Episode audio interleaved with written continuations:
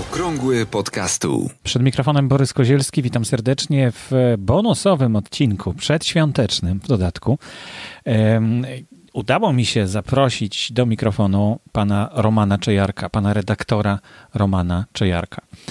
E, jak, co to za osoba, kto to jest, e, myślę, że wszyscy kojarzą ale bardzo chciałbym, żebyście wysłuchali e, informacji, które przeczytam z Wikipedii e, na temat pana Romana Czejarka. E, Roman Maciej Czejarek, urodzony 20 czerwca 1966 roku w Szczecinie, polski dziennikarz, prezenter, konferencjer, publicysta, autor humorystycznych opowiadań, mm, to ciekawe, z wykształcenia inżynier elektryk. Akurat tego nie było, tego, e, tego tropu humorystycznych opowiadań, a warto do tego wrócić jeszcze kiedyś, być może. E, rozmowa, którą przeprowadziłem kilka dni temu w studium Młodzieżowego Domu Kultury, trwała ponad e, półtorej godziny, więc radzę zaopatrzyć się w dobrą herbatę albo kawę, usiąść wygodnie w fotelu i mieć na to odpowiednią ilość czasu, bo dużo ciekawych, inspirujących tematów poruszyliśmy dotyczących podcastingu, dotyczących tworzenia audycji, bo o to pytałem e, Romana Czejarka. Ale zobaczmy, jaki ma życiorys pan Roman Czejarek. Pracę w mediach rozpoczął bezpośrednio po maturze w piątym liceum ogólnokształcącym imienia Adama Asnyka w Szczecinie. Najpierw w akademickim radiu Pomorze, dziennikarz, zastępca redaktora naczelnego, szef programowy, później w polskim radiu Szczecin, reporter prowadzący studio Bałtyk. W tym samym czasie rozpoczął współpracę z gazetami lokalnymi oraz ogólnopolskimi. Mm, polityka, przegląd tygodniowy, tygodnik kulturalny, karuzela. Pierwszą dużą popularność przyniósł mu wielokrotnie nagradzany reportaż Kup pan czaszkę w 1986 roku, ujawniający szokujące kulisy handlowania ludzkimi szczątkami w Polsce. Ciekawe, czy można gdzieś posłuchać jeszcze tego, e, tego reportażu. Od 1986 do 1990 korespondent i współpracownik radiowej Trójki oraz rozgłośni harcerskiej. Od 1991 roku w Warszawie w pierwszym programie Polskiego Radia, najpierw muzyka i aktualności, później sygnały dnia. Od 1992 roku szef Lata z Radiem, prowadzący audycje i imprezy plenerowe, organizator największych w Polsce tras koncertowych, autor płyt i kaset z przebojami Lata z Radiem, które zdobyły status złotych, platynowych i multiplatynowych. Autor trzech książek o historii audycji. Lato z radiem. E, pomysłodawca i realizator wielu akcji promujących zdrowy styl życia, bezpieczeństwo oraz popularyzację wiedzy. Od 2005 roku związany z akcją charytatywną Choinki Jedynki. Do dziś, tak wynika z rozmowy, którą przeprowadziliśmy.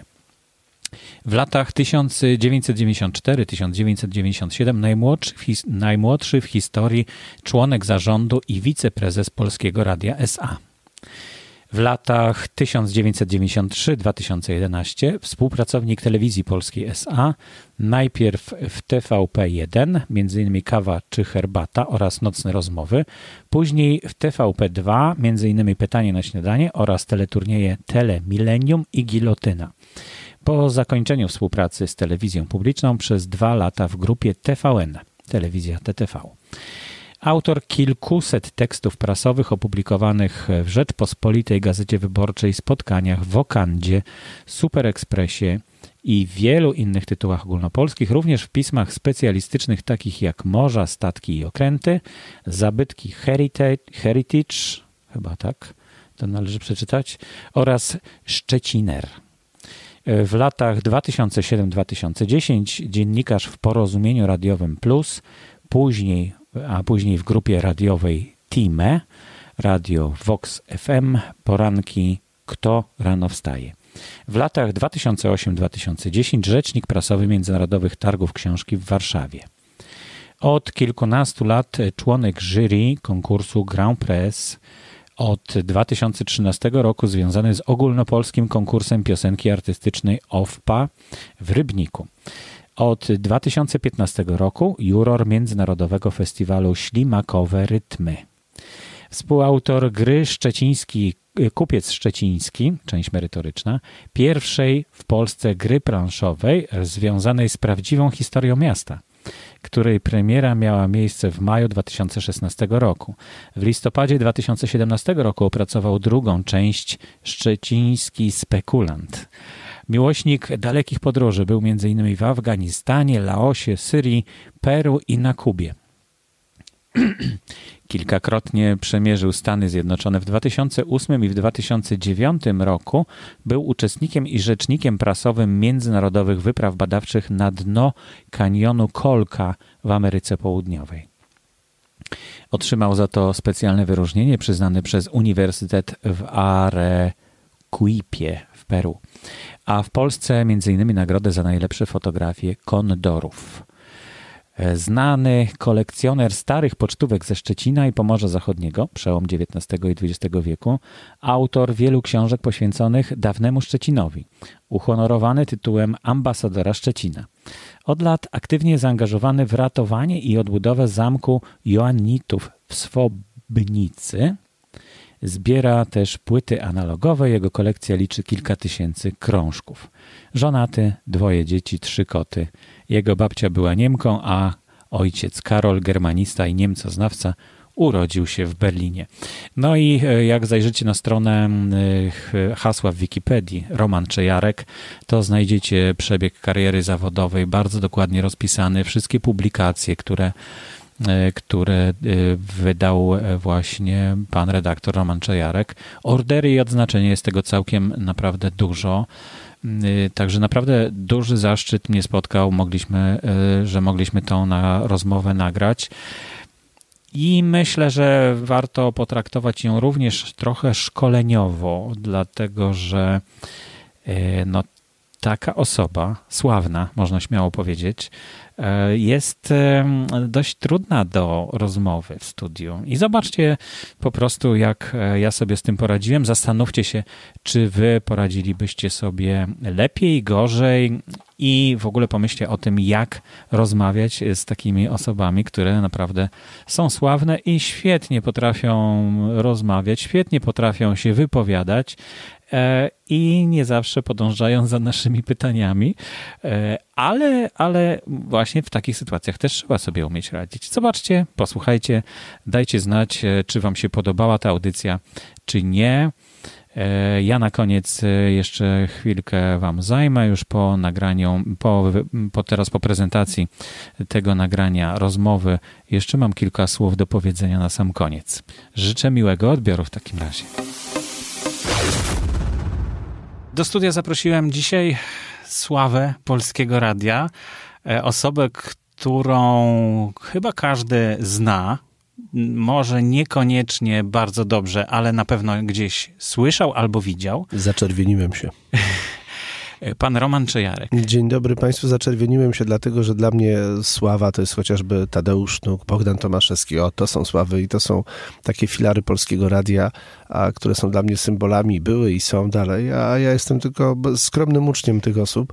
Zresztą to zaszczyt pracować z takimi ludźmi, ale rzeczywiście, no nie ukrywam, trochę, trochę już czasu w tym radiu spędziłem, to prawda. No i nie tylko w radiu, i w telewizji również. I właśnie tutaj dzięki temu będziemy mieli więcej pytań. Znaczy mhm. ja będę miał więcej W gazetach pytań. też, więc mam porównanie, jak to wygląda w gazecie, mam porównanie, jak to wygląda w radiu, mam porównanie, jak to wygląda w telewizji i troszkę mam porównanie, jak to wygląda w tych modnych teraz mediach elektronicznych, czyli w, na różnego rodzaju portalach ale z drugiej strony tempo tych zmian jest tak szybkie, to się wszystko w takim błyskawicznym tempie zmienia, że mm, myślę sobie, że często wiele tych porad się szybko deaktualizuje.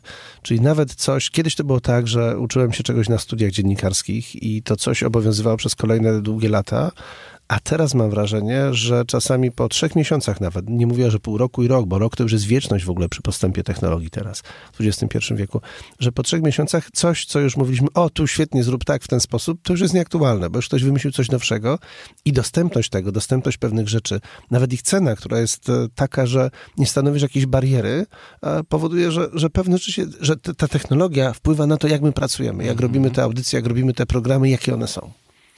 No i właśnie tak myślę, żeby technologię w ogóle pominąć. Mhm. Ona to jest ważna. To, no, okay. Jest ważna, ale y, przede wszystkim y, każdy, kto y, siada przed mikrofonem, jak już ma ten mikrofon, jak już mhm. go sobie znajdzie odpowiedniej jakości, a nawet nie, nawet zwykły, byle jaki mikrofon, jak usiądzie Znaczy dobrze, żeby był w miarę niezły. To powiem, żeby się tylko ograniczyć przy tej technologii do tego, że w zasadzie ten mikrofon w radiu jest najważniejszy, no bo w telewizji zagramy obrazem, w gazecie możemy zagrać też obrazem i przede wszystkim tekstem, a w radiu jedyne, czym możemy grać, to jest ten dźwięk. Jeżeli ten dźwięk na, na dzień dobry, w tym miejscu, gdzie się go łapie, do tej całej potem elektroniki rozbudowanej mniej lub bardziej będzie zły, to potem już możemy dokonywać cudów za pomocą różnego rodzaju programowania, ale zawsze to będzie ratowanie czegoś, co jest złe. Więc ten mikrofon jest najważniejszy. Ja ostatnio pracowałem sporo z Robertem Chojnackim. To jest ten słynny saksofonista, demono, kiedyś mhm. te budzikom śmierci i tak dalej. To jest człowiek, który już, jak się śmiejemy, czasami ma swoje dolary zakopane w ogródku w słoiku, więc już może oddawać się różnym pasjom, bo on naprawdę był bardzo popularny. Te nagrania sprzedały się w rekordowych nakładach, bo to ponad milion sztuk, to, to te, te budziki słynne i tak mhm. dalej. I on mówi, słuchaj, Romku, jak kiedyś nagrywaliśmy w studiach radiowych, to wiesz, to te studia, kupa sprzętu i tak dalej, a teraz wystarczy naprawdę dobry mikrofon, ale jego, dobry i on, jego stać na ten dobry mikrofon, więc mówi, ja mam w domu taki mikrofon za parę czy za paręnaście tysięcy złotych, a dalej tak naprawdę to już może być proste urządzenie za kilkaset złotych i prosty komputer. Wszystko da się zrobić. Jak się złapie dobry dźwięk na starcie, to już dalej poleci. Więc jeżeli myślicie Państwo o robieniu jakiegokolwiek programu do słuchania w radiu, to myślę, że ten mikrofon jest szalenie ważną rzeczą i nie lekceważcie go. On nie musi kosztować parunastu tysięcy złotych. Niech on kosztuje kilkaset złotych, a być może lekki tysiąc z kawałkiem, ale zaręczam wam, że to się potem zwróci i opłaci. I wy ten mikrofon, który może będzie wydawał się nieporadny, duży i tak dalej, będziecie wykorzystywać, doczepiając do niego coraz to nowsze urządzenia, bo reszta będzie się zmieniać. Ale ten mikrofon, a, on jest istotny. Ja na przykład używam e, mikrofonu, który jest jeszcze z końca lat 80., i wcale się nie palę do zamiany na nowsze, bo wielokrotnie próbowałem zamieniać go na nowsze mikrofony. I oczywiście, gdybym pewnie wydał, ja mówię teraz o prywatnym sprzęcie, nie o tym radiowym, ale ja dużo robię na prywatnym też, bo nagrywam bardzo wiele rzeczy. I gdybym pewnie wydał paręnaście tysięcy złotych, to na pewno kupiłbym lepszy. To z pewnością. Natomiast e, szkoda mi też takich pieniędzy i uważam, że aż takich nie trzeba. Natomiast gdy obracamy się na poziomie kilkuset złotych czy tysiąca kilkuset złotych za zakup tego sprzętu, to ten stary mikrofon z końcówki lat 80., oryginalny AKG 190, jeżeli ktoś się na tym zna, to wie o czym mówię, w zupełności wystarczy jego jakość i trwałość jest tak duża i zarazem możliwości w sensie barwy dźwięku, że naprawdę niewiele więcej do tego potrzeba. Więc do takich klasycznych zastosowań nie trzeba żadnych specjalnych cudów. Natomiast niestety to mieć swoje rozmiary. Jak ktoś myśli, że czasami oglądamy koncerty wielkich gwiazd e, muzyki rozrywkowej, wychodzi Madonna na scenę i ona ma taki malutki mikrofonik, taką pchełkę przyczepioną gdzieś z boku za uchem i tylko przed buzią wystaje końcówka wielkości może 2-3 mm. To wszystko jest w barwie ciała, żeby oczywiście ta buzia nie była zasłonięta, bo kamery filmują. Takie mikrofony często się też widzi w telewizji polskiej, czy w Polsacie, czy w tvn w różnych programach. To a naprawdę ten mikrofon, żeby był dobry, on może bajerancko wygląda, jeżeli jest mały. Żeby był dobry, jakościowo musi kosztować kosmiczne pieniądze, bo miniaturyzacja przetwornika akustycznego jest wyjątkowo trudna. To się niewiele zmieniło od 100 lat, od kiedy to wymyślono. To jest ciągle ta sama technologia. Więc żeby to było dobre, to musi mieć swoje rozmiary. Tak jak te mikrofony, do których my teraz mówimy, no to są takie mikrofony, jakby sobie opowiedzieć komuś, kto nie widzi, no normalnie, jak, jak się takie, co piosenkarz kiedyś trzymał na estradzie. Mhm. Mało tego, mają kabelek jeszcze w latach 70., jak ktoś oglądał Eurowizję, wychodziła Bakkara i te dwie dziewczyny tam śpiewały, tańczyły, miały kabelki i się w to w ogóle nie plątały. Dzisiaj współcześni artyści mówią, że to jest niemożliwe, musi być bezprzewodowe. Nie musi być. I nie bierzcie do takich rzeczy żadnych bezprzewodówek. Normalny, całkiem spory, na kabelku monofoniczny, nie żadne stereo i nie bawcie się w żadne mikrofony zasilane. To może być zwykły, dynamiczny mikrofon, wcale nie musi mieć zasilania, nie musi to być mikrofon pojemnościowy wymagający tak zwanego fantoma, czyli e, napięcia podanego od drugiej strony. To tylko szkodzi. Chyba, że są jakieś specyficzne zastosowania, ale ich jest niewiele. Czyli, czyli rzeczywiście coś czyli takiego potrzebne. To to kończmy może, jak już dynamiczny, to AKG? E, to nie musi być AKG, bo o, zobaczmy, na przykład te, do których my teraz mówimy, to jest Audiotechnika. Mhm. To jest bardzo znana firma, która przebojem wdarła się w pewnym momencie na rynek. To jest firma, która zauważyła, że nie każdego stać na oryginalnego Szura z jakiejś legendarnej serii, SM58. czy na oryginalny, tak, czy na oryginalny AKG, bo to zwyczajnie kosztuje, zwłaszcza jeżeli na scenie ma być tych mikrofonów kilka czy kilkanaście, a nie jeden, czy w studiu, no przynajmniej dwa, a najlepiej więcej, no to się zaczyna problem. I Audiotechnika, ja akurat jestem fanem czarnych płyt i mam e, taki klasyczny gramofon z lat lat 70., wtedy high-endowy, teraz można takie rzeczy kupić używane. Tak jak się używane samochody sprowadza z Niemiec, tak samo ja sprowadziłem gramofon. I w, jak kogoś nie stać na kilkadziesiąt tysięcy, bo to są tego typu poziom cen, to może za kilkaset złotych kupić coś świetnego. I ostatnio wymieniałem różne wkładki, próbowałem i wymieniałem te wkładki gramofonowe e, w ramieniu adaptera. No i właśnie wstawiłem wkładkę audiotechniki. Paru takich kolegów audiofilów się śmiało, mówię, co audiotechnika? Mówię, ja posłuchaj.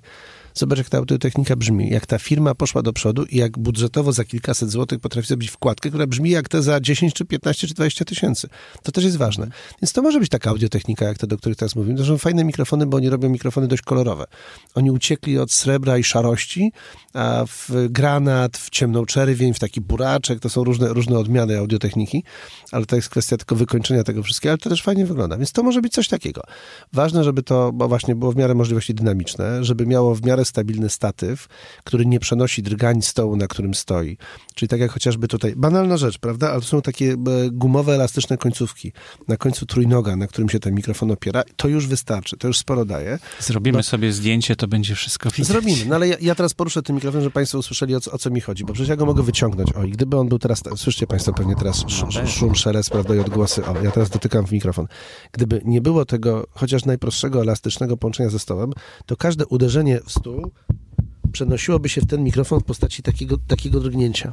Tak. A, I to właśnie o to chodzi, żeby... Stukanie długopisem na przykład, e, rozmówcy no lubią tak, no, sobie stół tak, stukać. A to w ogóle rozmówcom trzeba zabrać długopisy i da się przełączać, bo to nie ma nic gorszego niż takie dźwięki.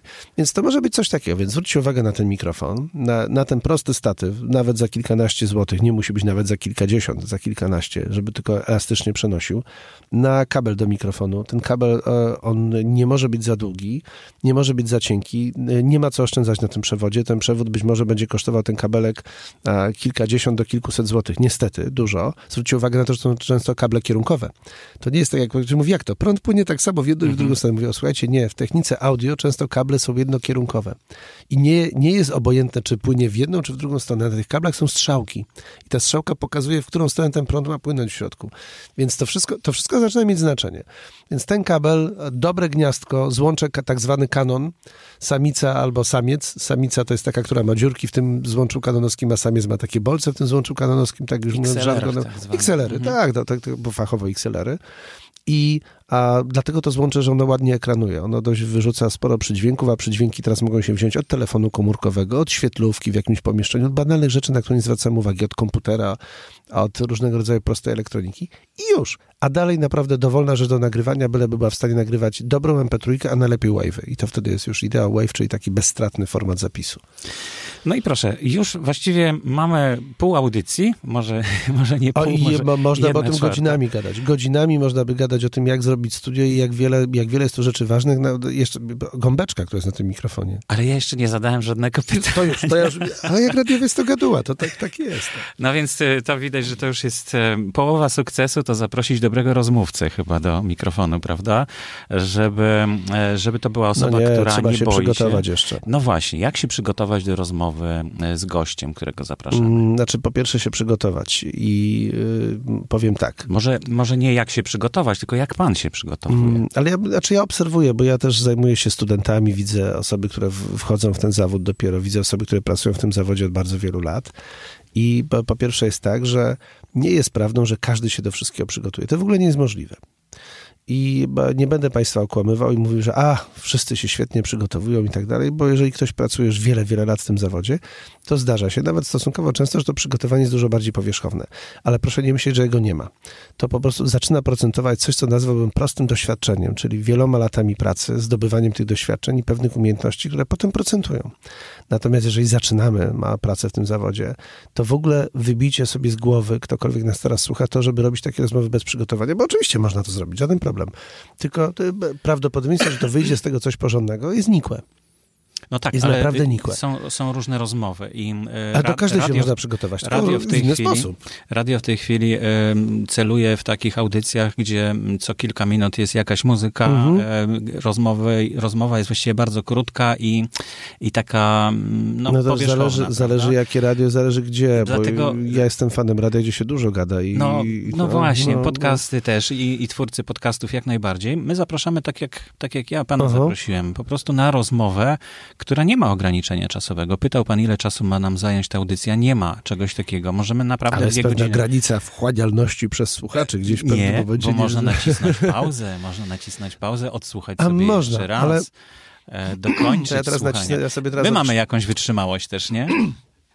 Słuchajcie, to znaczy można nacisnąć pauzę, tylko ja użyję teraz znowu innego porównania. Jeżeli ktoś idzie do kina i ogląda świetny film, to ogląda się go jednym ciągiem. Oczywiście wkurzają nas strasznie reklamy, które są na starcie. Ich jest teraz dużo w tych kinach. To jest 20 minut. męczące. Tak, 20. Ja ostatnio byłem z dziećmi, ponad pół godziny trwały reklamy. Coś nas trafiało, już nie powiem. Dzieci przede wszystkim, bo one czekały na swoją kochaną bajkę, a tutaj reklama, reklama, reklama. Jeszcze niekoniecznie do tej grupy przeznaczona, więc one nie wszystkie reklamy rozumiały. No ale b- oglądamy ten film potem już w całości. I teraz wyobraźcie sobie Państwo, że kupujemy sobie ten sam film na przykład na płycie DVD, czy na Blu-rayu, a raczej DVD, bo Blu-ray się nie przyjął jednak do końca. Przynosimy do domu, odtwarzamy i ktoś mówi, to teraz zatrzymaj na pauzie, ja sobie pójdę, zrobię herbatę, kanapkę, wrócę z powrotem. Niby zatrzymaliśmy, niby za chwilę puszczamy, jest ciągle to samo. Ale to się inaczej ogląda. Tracimy nastrój, tracimy pewną dynamikę, tracimy pewną ciągłość, więc tak samo uważam, że jest z takimi rozmowami. Ja wiem, że można sobie ten podcast zatrzymać w dowolnym momencie, ale myślę, że słuchanie go w jednej całości, czy jakby po to, żeby podążać za myślą o tych, którzy rozmawiają, jest jednak dużo lepsze, więc nie należy przesadzać z długością, bo ile ktoś wytrzyma? Ile ktoś będzie jechał autobusem, czy tramwajem, czy metrem, żeby sobie to spokojnie tam odsłuchiwać? Pół z- godziny? Tak, Okej, no, 40 no, no właśnie okej. tyle, ile do pracy się mniej więcej No. jedzie, to, No ja to tyle dwie. trwają audycje. Średnio 40 minut y, w Polsce trwa audycja. Są takie dwugodzinne i są trzyminutowe, ale właśnie średnio około 40 No to minut. wracajmy do tego, jak się przygotować. No właśnie, Bo, co? No bo to ma być pierwsze się rozmowa przygotować. 20-30 minut, powiedzmy. Po pierwsze się Mhm. przygotować, No, dowiedzieć się to o tym znaczy rozmówcy. Co? no, Ogolić się, tak? Nie, no, No, w ogóle właśnie, się jak się zainteresować, zainteresować tematem, czyli dowiedzieć się o tym rozmówcy jak najwięcej na dzień dobry. A to, teraz to jest proste, bo kiedyś to, kiedyś to wymagało. Wikipedia tak, jak najbardziej tak, choć proszę uważać, bo czasami się można naciąć. Rzadko na szczęście, bo ona jest bardzo dobrze redagowana i pilnowana, ale zdarzają się wpadki, zdarzają się czasami sytuacje też takie, że czegoś po prostu tej Wikipedii nie ma jeszcze, bo nie wszystko tam po prostu może, no, nie, nie ma cudów.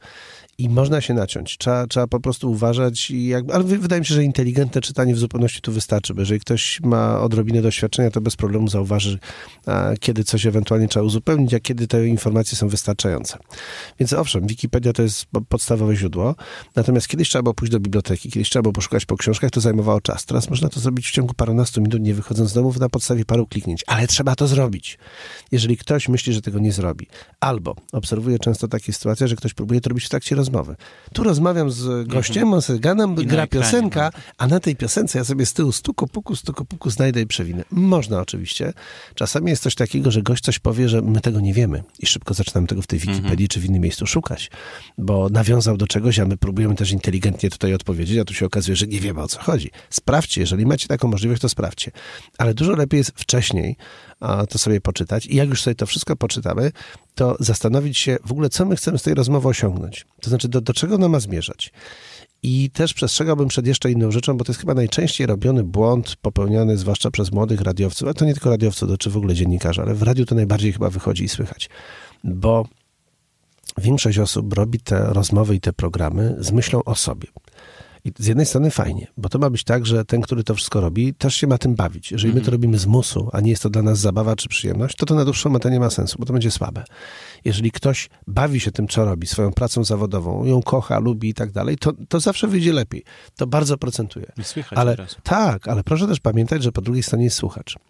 I gdybym ja na przykład w radiu, tam gdzie robię swoje audycje, prezentował Państwu chociażby muzykę, której ja słucham na co dzień, to być może Państwo by to radio wyłączyli. I ja byłbym szczęśliwy, że super, prawda, ale se gram muzyczkę, fajnie, jest w ogóle świetnie. Romek przyniósł i Romek gra. W domu mamy bardzo dużo płyt, mógłbym bez problemu to wybrać, nawet nie musiałbym ściągać żadnej sieci. Mam to. Natomiast e, dla słuchaczy być może byłoby to męczące, delikatnie mówiąc mało ciekawe, a może nawet irytujące. Więc proszę pamiętać o tym, że ten słuchacz jest ważny i że robimy tak naprawdę ten program dla niego. No i on cały czas jakby obok nas siedzi. i Znaczy, on, on to też recenzuje. Mhm. on, to, on to ocenia. Dobrą szkołą jest, tylko to rzadka jest okazja, że jakby mało jest możliwości, żeby taką szkołę przejść. Jeżeli ktoś ma spotkania z moimi dziećmi mhm. bo e, robienie czegoś, czy uczenie czegoś małych dzieci bardzo uczy pokory. A dorosła osoba potrafi maskować. Jeżeli coś ją nudzi, to ona będzie przez pewien czas udawała, że no dobra, w porządku jest, przez grzeszność, prawda, uda i mhm, mhm. możemy się nie zorientować. Jeżeli ktoś ładnie przed nami odegra, to wyjdzie nawet, że całkiem nieźle. Dziecko od razu nam powie, że to jest nudne, to jest głupie, to nie interesuje, no w ogóle się nagle zajmie czymś innym. I wtedy do nas docie skupienie uwagi dzieci na sobie, zrobienie tego tak, żeby te dzieci były zainteresowane tym wszystkim. Jasne, że to jest oczywiście skrajny przypadek, ale to bardzo uczy pokory. I dokładnie tak samo jest z dorosłymi, tylko właśnie róbmy to tak, żeby ten dorosły był zainteresowany, żeby naprawdę tam było coś, co on chce z tego wyciągnąć. Bo jeżeli to ma być tylko takie pla la la la, pla la la la, prawda, pitu pitu, my tu sobie pogadamy, no to no świetnie, no, no, nagraliśmy kolejną rozmowę, tylko co z tego? Choć oczywiście tacy też się zdarzają dziennikarze i rozmówcy i takie rozmowy też po, po sieci i po, po stacjach mm -hmm. radiowych krążą. No niestety tak jest. To znaczy co, mamy sobie wymyślić pytania, które my, które nas interesują bardzo ściśle, Be, tak? I też wymyślić pytania, które mm, mogą słuchaczy zainteresować? znaczy wymyślanie pytań... Mm, myślę, jak to powiedzieć, żeby to było łatwo zrozumiane. Pamiętam niedaleko z tego, tego miejsca, gdzie teraz jesteśmy. Jest Myśliwiecka, słynna Myśliwiecka 357. Ja w ogóle swoje pierwsze kroki radiowe w Warszawie, bo wcześniej pracowałem w Polskim Radiu Szczecinie, jeszcze wcześniej w Radiu Akademickim w Szczecinie i w kilku rozgłośniach regionalnych w Polsce, ale akademickich. I znam te rozgłośnie od kulis, Winogrady, czy chociażby UMCS-u Radio w, w Lublinie, to są te większe, a, czy właśnie poznańskie Winogrady, czy też a, Radio w Katowicach. Natomiast, e, czy moje akademickie radio pomoże, bo to akurat w Szczecinie, e, bardzo, a potem przyjechałem tutaj, bardzo częstym błędem popełnianym na starcie było to, że ktoś próbuje sobie wszystko dokładnie napisać. I przychodzi dziennikarz i mówi, ja tu mam wszystkie pytania spisane na kartce. Ja mówię, zastanów się, czy na pewno wiesz, co robisz. Tak, bo to, znaczy, to na pewno uspokaja. To jeżeli ktoś zaczyna swoją drogę z mikrofonem, czy przygodę z kamerą, mikrofonem, czy czymkolwiek, to zawsze fajnie taki szkielet mieć. Owszem, to pomaga, to uspokaja. No ale, ale jak rozmówca życzy sobie mm. listy pytań na przykład przed mm, audycją? Myślę, że rzadko się zdarzają rozmówcy, którzy raczej, jeżeli o coś proszą, to o zakres tematyczny. Natomiast rozmówca, który prosi o konkretną listę pytań, we mnie wzbudza niepokój.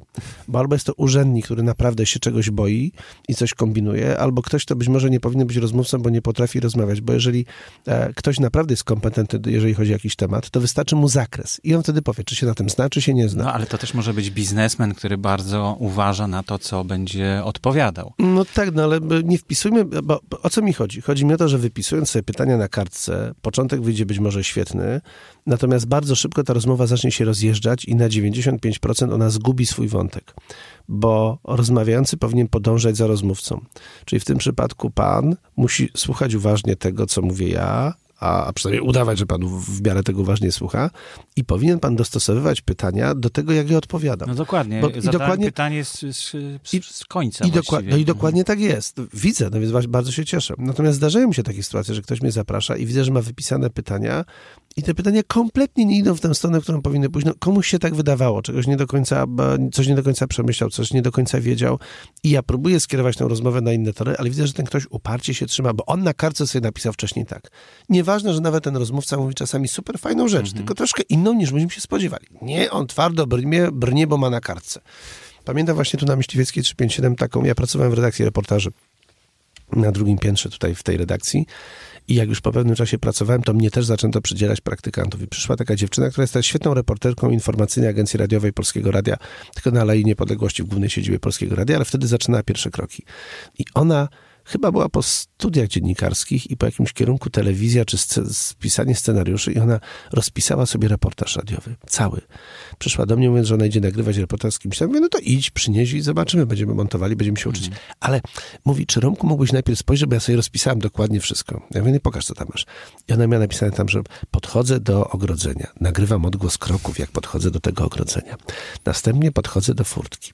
Przy furtce jest dzwonek. E, moja ręka kieruje się do dzwonka. Słychać odgłos szurającej ręki. Naciskam dzwonek. Dogram dzwonek.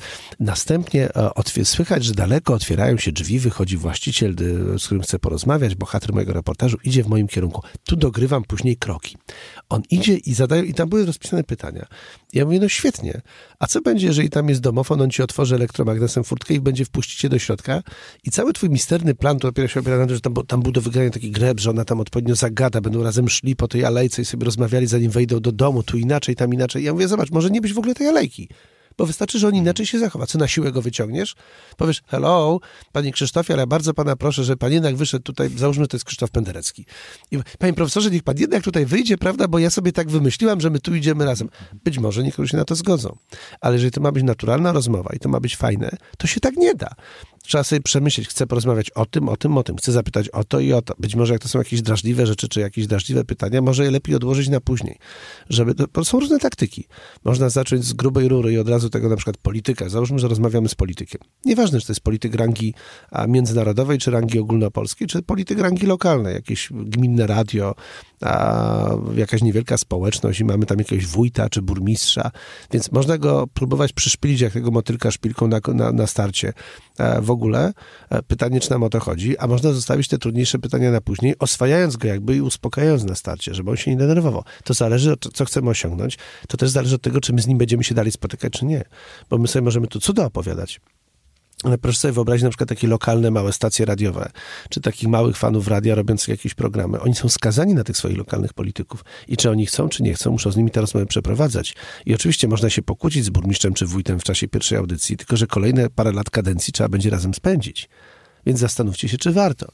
Czy to nie chodzi o to, żeby, e, że nie, proszę tego nie zrozumieć tak, że nie zadawajcie trudnych pytań. Jak najbardziej tak tylko forma, sposób zrobienia tego, ukrycie tego w odpowiednim miejscu, być może doprowadzenie do tej rozmowy będzie dużo bardziej cenne i mądre niż takie szaleństwo i taka ułańska szarża z szablami na czołgi na starcie, która owszem przejdzie do historii, bo wszyscy będą was opowiadać, że a na żywo w czasie programu to nasz Jacek to ale poszedł już nigdy więcej wód nie przyszedł, a i Jacek już nie mm. pracuje tutaj, zobaczcie, od paru miesięcy, bo właściciel stacja, radi, stacji regionalnej czy jakiegoś tam radia miejskiego stwierdził, że nie, ten Jacek, to no nie, no nie można się z burmistrzem skłócić na dzień dobry.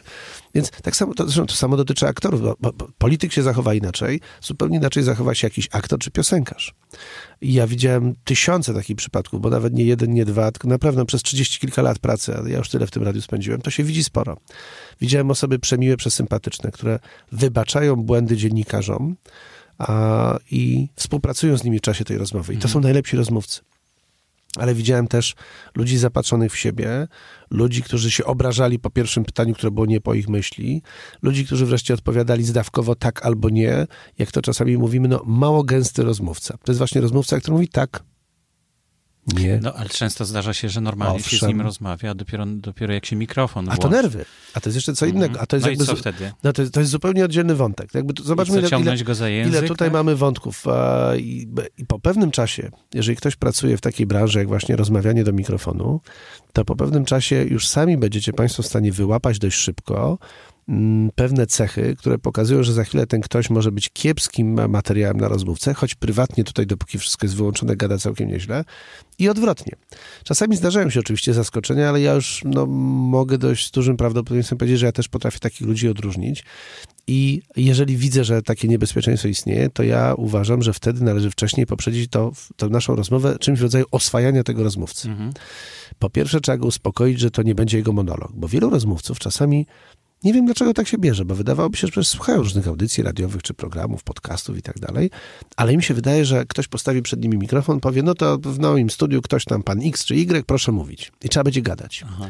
A to w ogóle nie tak bo, bo, rozmowa ma być rozmową, więc jakby ona musi się dziać, dziać z obu stron. Więc funkcja rozmówcy jest bardzo wygodna. No, no, no, no to tak, no, ale oni myślą, że trzeba będzie gadać, gadać, gadać, gadać i to już ich przeraża. Dwa, niektórzy rzeczywiście siedzą przed mikrofonem pierwszy raz. Więc po pierwsze, wprowadźcie ich do tego studia. Jeżeli to jest w ogóle nagrywane, mhm. to z jednej strony dobrze, bo to wszystko można potem zmontować, no tak, poprawić. Ale też jest pułapka. E, jest pułapka takiego, że właśnie pułapka tego, że wszystko można poprawić. Mhm. I to powoduje, że ja na przykład robiąc bardzo dużo rzeczy na żywo, czasami pewnych rzeczy nie lubię nagrywać, bo, bo wtedy się zaczyna poprawianie i poprawianie oraz poprawianie, bo zawsze można lepiej. Jasne, wszystko, co się dzieje na żywo, zawsze można zrobić lepiej. Tylko drugi raz i trzeci raz rozmówca już nie powie dokładnie tak samo. Zmieni intonację, będzie już znudzony, nie będzie powtarzał w kółko. Jak jest super aktorem, to on to zagra. Ale jak jest normalnym człowiekiem, no to się gdzieś tam w pewnym momencie powie, albo jeszcze walnie 50 stół i powie dość. Więc lepiej wprowadzić takiego kogoś po pierwsze wcześniej do tego pomieszczenia, żeby on się oswoił z samym pomieszczeniem. Potem oswoić go z mikrofonami. Można włączyć te mikrofony wcześniej jeszcze, nawet nie nagrywając, czy nagrywając skoroboczo, ale pogadać z nim, żeby się zorientować, żeby go uspokoić, prowadzić z nim normalną rozmowę i dopiero po pewnym czasie tej normalnej rozmowy powiedzieć, o widzi pan, widzi pani, to właśnie tak będzie wyglądało. Za chwilę sobie będziemy dokładnie tak samo rozmawiali. Jakby tu była kawa, herbata, ciasteczka, jakbyśmy sobie gadali w ten sposób. I, i każdy jest zestresowany, ale ręczę, że większość osób się przynajmniej trochę wtedy uspokoi. Więc zróbcie ten element, tej, te, tę grę wstępną przed mikrofonem, po to, żeby tego rozmówcę uspokoić, żeby mu to wszystko pokazać. E, bądźcie ostrożni, jeżeli rozmówca wyciąga kartkę. To jest rzecz, której ja bardzo nie lubię, bo wiele osób te kartki ze sobą przynosi i ma tam dokładnie rozpisane wszystko. I teraz spójrzcie, co na tej kartce jest, bo możliwe są dwa warianty. Wariant pierwszy, i to nie jest najgorszy, rozmówca ma dokładnie napisane słowo co po słowie, co do kropeczki, co ma powiedzieć. To jest źle. To znaczy, że on sobie to napisał i to znaczy, że on chce to przeczytać, on albo ona. Wariant drugi, dużo lepszy, że są tam tylko cyfry, notatki czy jakieś pewne charakterystyczne punkty. To jest dobrze. To jest znak, że rozmówca się przygotował, że on wiedząc na przykład, że tematem rozmowy będzie chociażby, nie budowa stadionu, który jest obok, więc on ma tutaj dane z historii tak, tego stadionu, wie ile co kosztowało, prawda, jak to budowano, ma jakieś hasła o ciekawostkach, żeby nie zapomnieć, ale E, generalnie widać, że będzie mówił z głowy, a kartka jest tylko takim pomocnikiem pokazującym pewne dane, żeby się nie pomylić, no bo jednak traktujemy to poważnie. Świetnie. Natomiast jeżeli on ma tam dokładnie napisane, że odpowiadając na pana pytanie, Chciałem zwrócić uwagę, że budowa tego stadionu warszawskiej Legii nie była rzeczą prostą i wymaga, to trzeba być super aktorem, żeby to wszystko w wiarygodny sposób i naturalny odczytać. Nikt z nas takim aktorem nie jest i żaden rozmówca takim aktorem nie jest. Być może gdybyśmy robili wywiad z Gustawem Holubkiem czy z Ireną Kwiatkowską, to byłoby inaczej, ale to nie są tego typu mm -hmm. postaci. To, to, to nie są takie tuzy, to nie są tacy giganci a, mikrofonu, teatru, sceny, zagrania czegoś, że pani Irena przeczytała w pewnym jeden z jej skeczy polegał na odczytywaniu alfabetu. Ona czytała alfabet, a wszyscy szaleli po prostu, bo to było tak genialnie zrobione. Z tego co pamiętam, chyba pani Hanka Bilicka też próbowała taki numer z alfabetem robić, ale to były naprawdę e, tuzy giganci tego, co, co można zrobić na estradzie. Ale my tacy nie jesteśmy. Więc jeżeli ktoś ma tę kartkę rozpisaną, no to źle. No i teraz pojawia się kolejny element, bo tak, zabrać to komuś tę, tę kartkę, no on się speszy i przerazi. No on się przygotował, czy ona stracili czas w domu, to wszystko mają pięknie zrobione i nagle ktoś im to zabiera. No, co, co teraz będzie? Panika ale niestety musicie Państwo jakoś obracając to w żart, spróbować tę kartkę jednak przynajmniej odsunąć i, tym, i przeznaczyć więcej czasu na to oswajanie, na to, żeby to była normalna rozmowa. Zwłaszcza, że jeżeli rozmowa będzie fajna, to bardzo szybko się okaże, że to, co jest napisane na tej kartce, kompletnie do Waszych pytań nie pasuje albo się kompletnie rozjeżdża. I inteligentny rozmówca to dość szybko zauważy i sam z tej kartki zrezygnuje. Natomiast jeżeli dacie mu odpowiadać czytając na starcie, no to, to to jest największy błąd, bo on już w ten rytm wejdzie i bardzo ciężko będzie go z tego potem wyrwać. Więc ba, ba, nie, bądźcie czujni, zwłaszcza w takim przypadku. Zabierajcie tę kartkę delikatnie, ale jednak dość zdecydowanie odsuwajcie ją przynajmniej od rozmówcy. Bardzo cenne uwagi. Dzięki. Czy na razie banalnie proste bym powiedział. Tak, to, to, to ale nie, nie to... wchodzimy w żadne jakieś głębsze szczegóły no, jeszcze. No nie, bo każdy jakąś swoją praktykę musi odbyć mm -hmm. i, i, zobaczyć, co mu się podoba, co mu się nie podoba, co y, i, i, myśleć o słuchaczach, tak? To, to na to pan mm -hmm. zwrócił uwagę, żeby Znaczy nic nie zastąpi nie praktyki. Nic nie zastąpi praktyki i im więcej tego będziecie robić, tym będzie lepiej. I z góry sobie załóżcie, że początek będzie trudny i będą pomyłki. Nie ma cudów jak przychodzą e, dziennikarze młodzi po studiach, mm, a czasami przed studiami jeszcze, nakręceni, że oni tu zaraz będą wielkimi redaktorami, będą robili wielkie mhm. wywiady. Tu w ogóle, tu zrobi wywiad z prezydentem Stanów Zjednoczonych, a tu zrobi wywiad z najbardziej znaną aktorką, a tutaj w ogóle a z jakąś tam artystką estradową, piosenkarką. No oni są tak, a, a potem się okazuje, że trzeba robić banalną rzecz o dziurze w drodze, czy, czy interwencyjny materiał o cieknącym kaloryferze, czy pękniętej rurze, jak to jest jakieś lokalne radio, to, to, to sprowadza na ziemię. Ale ja wszystkim mówię, słuchajcie, pierwsze parę miesięcy, czy może nawet rok, czy dwa, będzie bardzo trudne. I jeżeli wam na tej pracy zależy, jeżeli naprawdę to kochacie, was to bawi, to wy się tego bardzo szybko nauczycie, nawet dużo szybciej. Jeżeli to robicie na siłę, to chyba lepiej zrezygnujcie i poszukajcie czegoś innego, bo nie warto. Bo rzeczywiście i tak po dwóch, trzech miesiącach się zniechęcicie, bo ten początek trzeba przejść, trzeba zacisnąć zęby, trzeba to przejść. A jeszcze teraz w obecnych czasach jest to wyjątkowo trudne, bo jeszcze a, dochodzą do tego sytuacje po prostu finansowe, bo wielu z nas jednak, dla wielu z nas jest to źródło zarobku. I te pieniądze zarabiać trzeba, a wszystkie redakcje, czy prawie wszystkie, a teraz e, robią tak zwane darmowe staże, czyli owszem, dziennikarz tak, ale pod warunkiem, że my mu nic nie płacimy. Mamy darmową siłę roboczą. I te darmowe staże się rozciągają w nieskończoność. Więc nie dość, że kiepsko nam wychodzi, nie dość, że gubimy się i męczymy, też na dokładkę nie zarabiamy żadnych pieniędzy, a żyć czegoś trzeba. Jak ktoś przyjechał do innego miasta, musi się z czegoś utrzymywać, no i co? Tu pracuje w fast foodzie, sobie dorabia, czy tu jako kurier, a tutaj wieczorem ta, ta główna pasja to radio, czy telewizja, czy jakaś gazeta, czy jakiś portal. Trudne, bardzo trudne. No dobrze, ale... Mm, e, na ile można mm, potem, bo mówił pan o tym, żeby słuchać, słuchać słuchaczy, to słuchać, znaczy, znaczy słuchać, słuchać się, rozmówcy, tak. żeby mhm. podążać za tym, co, o czym rozmawiamy i za wszelką cenę, wtedy, kiedy się da, słuchać słuchaczy. Ja się na przykład spotykam ze słuchaczami bardzo często i czasami w radiu w Warszawie moi koledzy i koleżanki się dziwią, a skąd ja to wiem? Ja mówię, słuchajcie, to nie, ja nie jestem taki mądry, tylko wy nie wychodzicie z tego warszawskiego studia, bo ja wiem, bo tak jest wygodniej, fajniej, łatwiej, taniej, te same pieniądze się zarabia, mniej wysiłku, a ja jadę na drugi koniec Polski i nie ma tygodnia, żebym gdzieś nie pojechał, bywa, że jestem parę razy w tygodniu gdzieś tam, ale ja ich widzę. I ja wiem, jacy ci słuchacze są. I widzę, jakim oni mówią językiem, jaki jest poziom ich wiedzy. To, e, żebyście tego nie odebrali państwo, bo, bo czasami moi koledzy i koleżanki tak mówią, a to co, tacy głupi są? Oni nie są głupi ale oni żyją w innej rzeczywistości. Oni pewnych rzeczy nie wiedzą. Być może pewne rzeczy trzeba im wyjaśnić, a może pewne rzeczy w ogóle są dla nich abstrakcją kompletną i kompletnie ich nie interesują. Bo wy, zwłaszcza w Warszawie, czy w dużych miastach, ale zwłaszcza w takim miejscu jak Warszawa, żyjecie jak w zamkniętej bańce. Mhm, mhm. Naprawdę nie macie źle. Zarabiacie jednak po pewnym czasie, jeżeli ktoś pracuje dłużej w mediach, stosunkowo nieźle. Może nie super kokosy, ale nie klepiecie biedy. E, nie, nie, nie wiecie, na jakim poziomie problemów są ci prości ludzie gdzieś tam z dala od Warszawy, w mojej wiosce, w mojej miejscowości. Naprawdę. Oni sobie nie pójdą gdzieś łatwo do kina, nie włączą sobie często komputera. Łącze jest wolniutkie, jeżeli w ogóle jest. Z tym internetem jest problem. Ja mieszkam w takim miejscu. Ja mieszkam 40, 40 km od Warszawy i u mnie jest dramatyczny problem z siecią i z internetem i z polem do komórki. I jak ludzie mówią, jak to? Ja mówię, tak, żeby do was odzwonić, ja muszę wyjść do lasu, bo w domu nie złapię sieci a internet chodzi powolutku, powolutku, powolutku. Więc, i tak, więc jakby to, choćby to powoduje pewne ograniczenia. Więc my tu sobie możemy śmigać, wymyślać cuda, bajery i tak dalej, ale ta rzeczywistość wygląda trochę inaczej. Pojedźcie do nich, zobaczcie, co ich interesuje, bo może się okazać, że te wasze super programy są dla nikogo.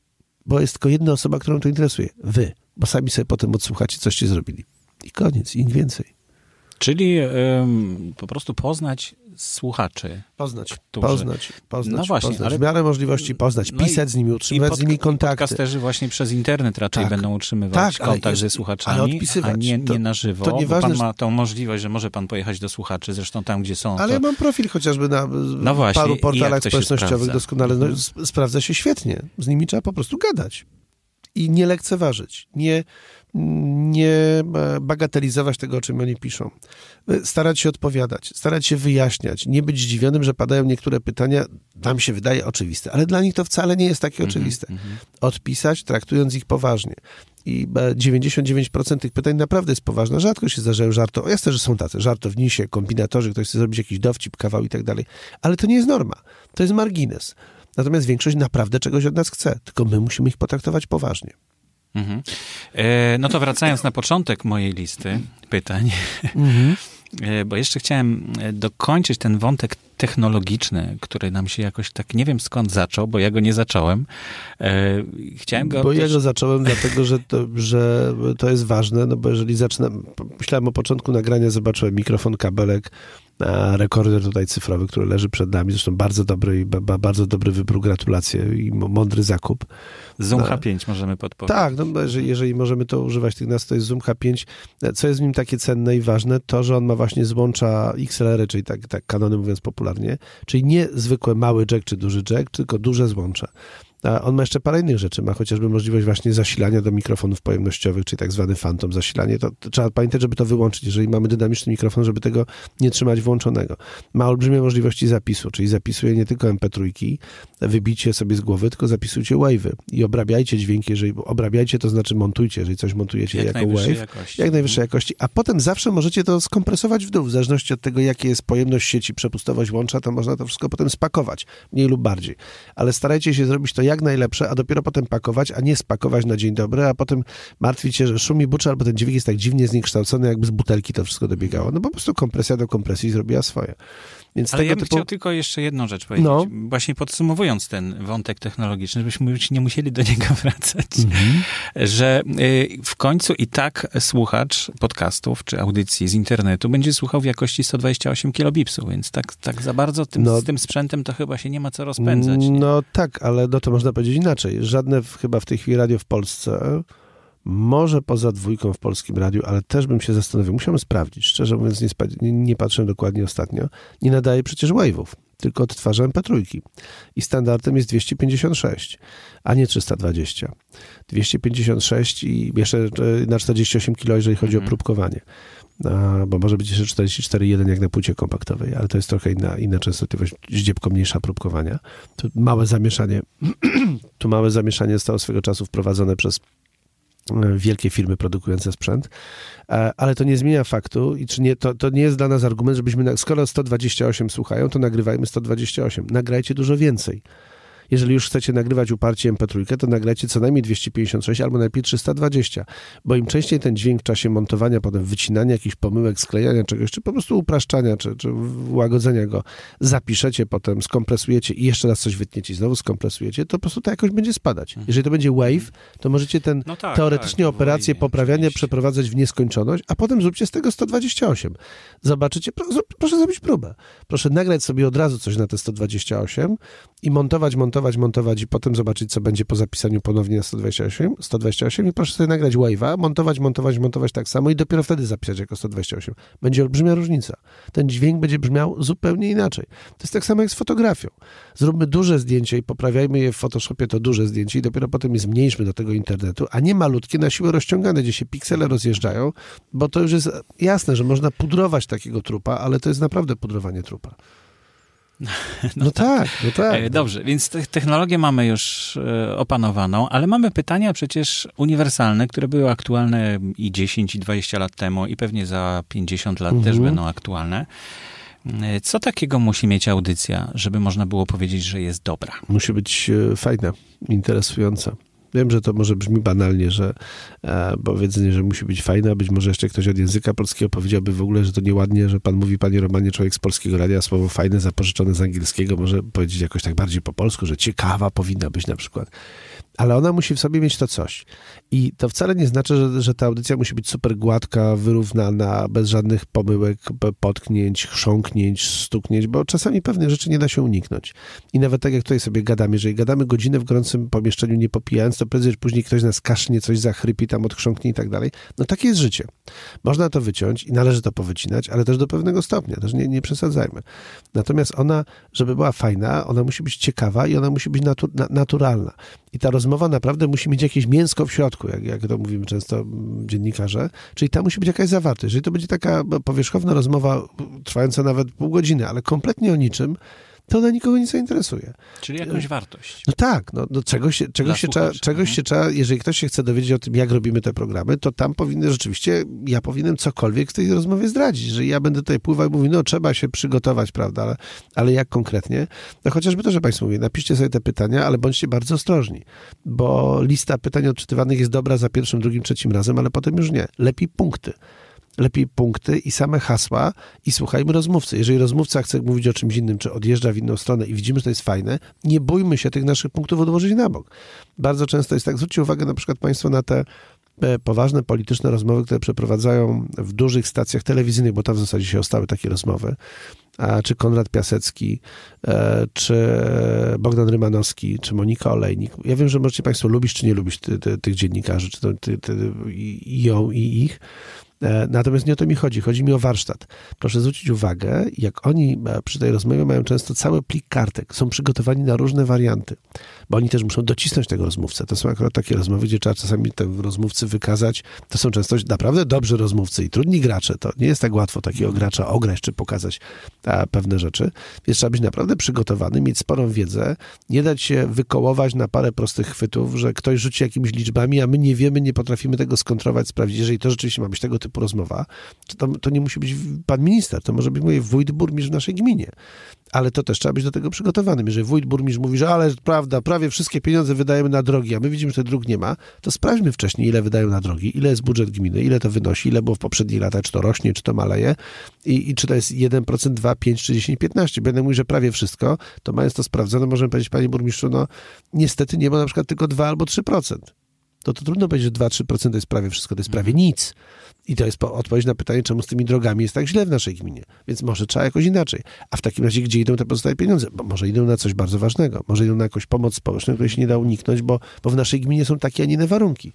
Więc też jakby szczera rozmowa będzie 100 razy ciekawsza niż ktoś sobie, po, bo tak powiedzą, że a, ten polityk popłynął. Jak to polityk często. Jeżeli my pozwolimy mu na to i będziemy nieprzygotowani, to on owinie nas sobie wokół palca.